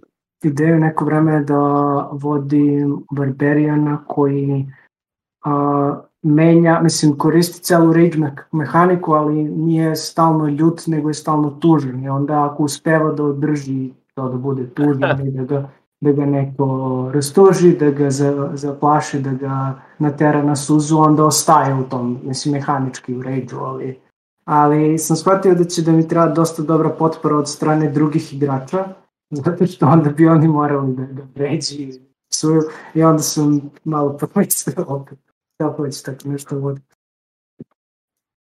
A, on je bukvalno onaj permanentno onaj mim a, pesak što mu prolazi kroz ruke ono kao na plaži.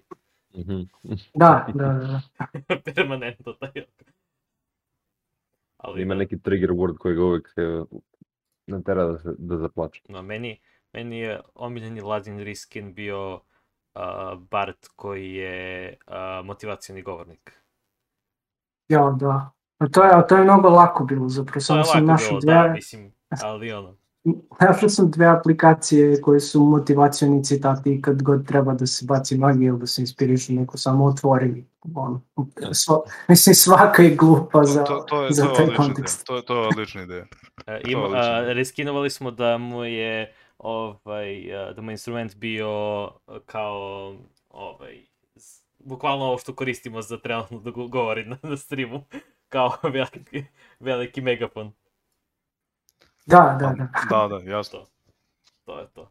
I onda baš, baš bilo dobro. Tako da, o. I tako. dobro. A, da. tako dalje i tako bliže. I tako da. A, hvala vam što ste došli u Riznicu. Hvala vam što ste nazvali. Bilo da mi je, bilo je baš lepo pričati s vama. da. Ovo, Hvala, što također. s- Da. A, ovo, što se ti, a, znači, ovo će da ode na YouTube u nekom momentu, kad, kad trebalo bi što radnije. A ovo su sad na, na ekranu socijale. Luku i Marinu možete da nađete na njihovoj uh, D&D uh, Srbija, to jest Srbija, ovo, strani na Facebooku, gde je razvijen baš community i na Discordu, isto, njihovom, koji Hvala na tom, to je baš se, da, Potrudili smo se. da, baš, koji je baš razvijen, detaljno. I vidim, ima puno, konstantno vidim da ima ljudi koji, koji su aktivni i pada kampanje koje su aktivne, ne znam da li vi vodite nešto na njima, ali... Mi Mi smo- trenutno ne na, na kanalu. Da, mi smo uradili, nama je, nama je posebno drago što smo uspeli da, kako se zove, da kažem, okupimo zajednicu i ovaj, ono, damo im alate, a onda sad bukvalno stvari funkcionišu same od sebe, a mi bivamo ponosni. Da, ovaj, mi smo tu da malo izmodujemo ako nešto treba i da im otvorimo kanale, Mm. ali ljudi, ljudi sad tu zajednicu vode sami, što, mislim, mi smo strašno, što kaže Luka, ponosni na to, zato što nismo mi njima neki sad, ovaj, ne, neke vođe ili bilo šta, nego prosto, ono, baš nam je drago da vidimo da, da se ljudi cimaju i sami, da, da otvaraju svoje nove ovaj, kampanje i da se igraju tu i da dele stvari jedni s drugima. Dosta ljudi se upoznalo preko D&D Srbije i zbog toga nam je isto jako drago, tako da eto, ovaj, nekako organski to sve raste i, i, i samo se, da kažem, moduje i vodi. Da, baš je, baš je a- aktivno. A, što se tiče individualnih stvari, ne znam da li imate individualno nešto što bi pagovali, kad smo već tu na i, ovako... Što bismo a, šta ra- radili? in, individual, indi, plug, individualni plug, ovako mislim da... Aha, aha. a, Mislim da imate uh, na fejsu, mislim u sklopu grupe je da je inicijativa, ali inicijativa ima sva, samo svoj face. Ne znam da li imate neke akcije u, u, u budućnosti koje planirate. Pa, inicijativa, da, inicijativa je, mi- mislim, mi smo prvo bili inicijativa, pa smo onda bili D&D Srbija. Ovaj, sa inicijativ- inicijativom smo počeli, bili smo vrlo ozbiljni u nekom trenutku pre apokalipse. Uh, and then the Fire Nation attacked. Da, pre ovaj, pa nismo.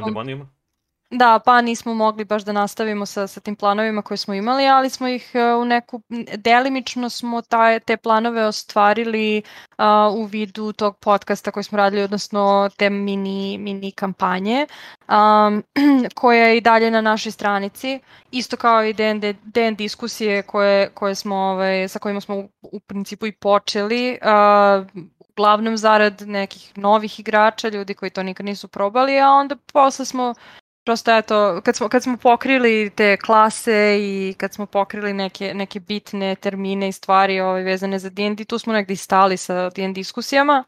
Što, ali što se tiče nekih planova, sad, sad je sve stalo zbog prosto života, jeli, ovaj, a, svako od nas ima, ima neke, neke druge engagemente i eto, jedan od naših drugara je dobio dete i sad to već ne, može, ne možemo već da se organizujemo na način na koji smo se organizovali ranije, ali a, definitivno bi trebalo razmisliti i ako bude bilo šta vezano, odnosno ako budemo bilo šta pravili u budućnosti, svi ćete biti naravno blagovremeno obavešteni, ovaj, pa eto, možda se vidimo na nekoj, u nekoj novoj kampanji. Da, svako pogledajte, mislim, te naše diskusije, mislim da su zapravo jako konstruktivne baš i po tom pitanju reskininga i kako da prilagodim neku klasu nekom, ovaj, nekom settingu ili nekoj situaciji i tome slično, tako da ima tu, pogledajte YouTube kanal za inicijative, ovaj, ima tu lepih korisnih stvari, onda možete ne gledate kako se glupiramo, mislim, nije, nije, da mislim i glupiramo se, ali ima tu i vrlo ozbiljnog roleplaya, ovaj, u toj mini kampanjici koji je, koji je Vuk vodio, u kojoj smo Da, i Marina i ja učestvovali kao igrači. U, uh, ako hoćete da vidite uh, delić D&D, ako niste igrali D&D, dobro je uvek da se, da se vidi nešto i na našem jeziku kao, kao početak neki, pošto nemamo mnogo uh, resursa, na, na, na, uh, tih resursa koliko ima na engleskom i drugim jezicima. normalno. Tako da, dobro. Uh, Lazar, imate još nešto da kažete? Ne. Ne. dobro. O, odbijamo, Bilo da nam je, bilo šta bilo nam je drago da... I gotovo. da, da, laku noć. A, ništa, to je bila e, epizoda Riznice, a, mi se isključujemo sad, a, pra, zapratite nas gde god, like, subscribe i tako te stvari, a, i vidimo se sledeći put. Ćao! Ćao svima. Ćao.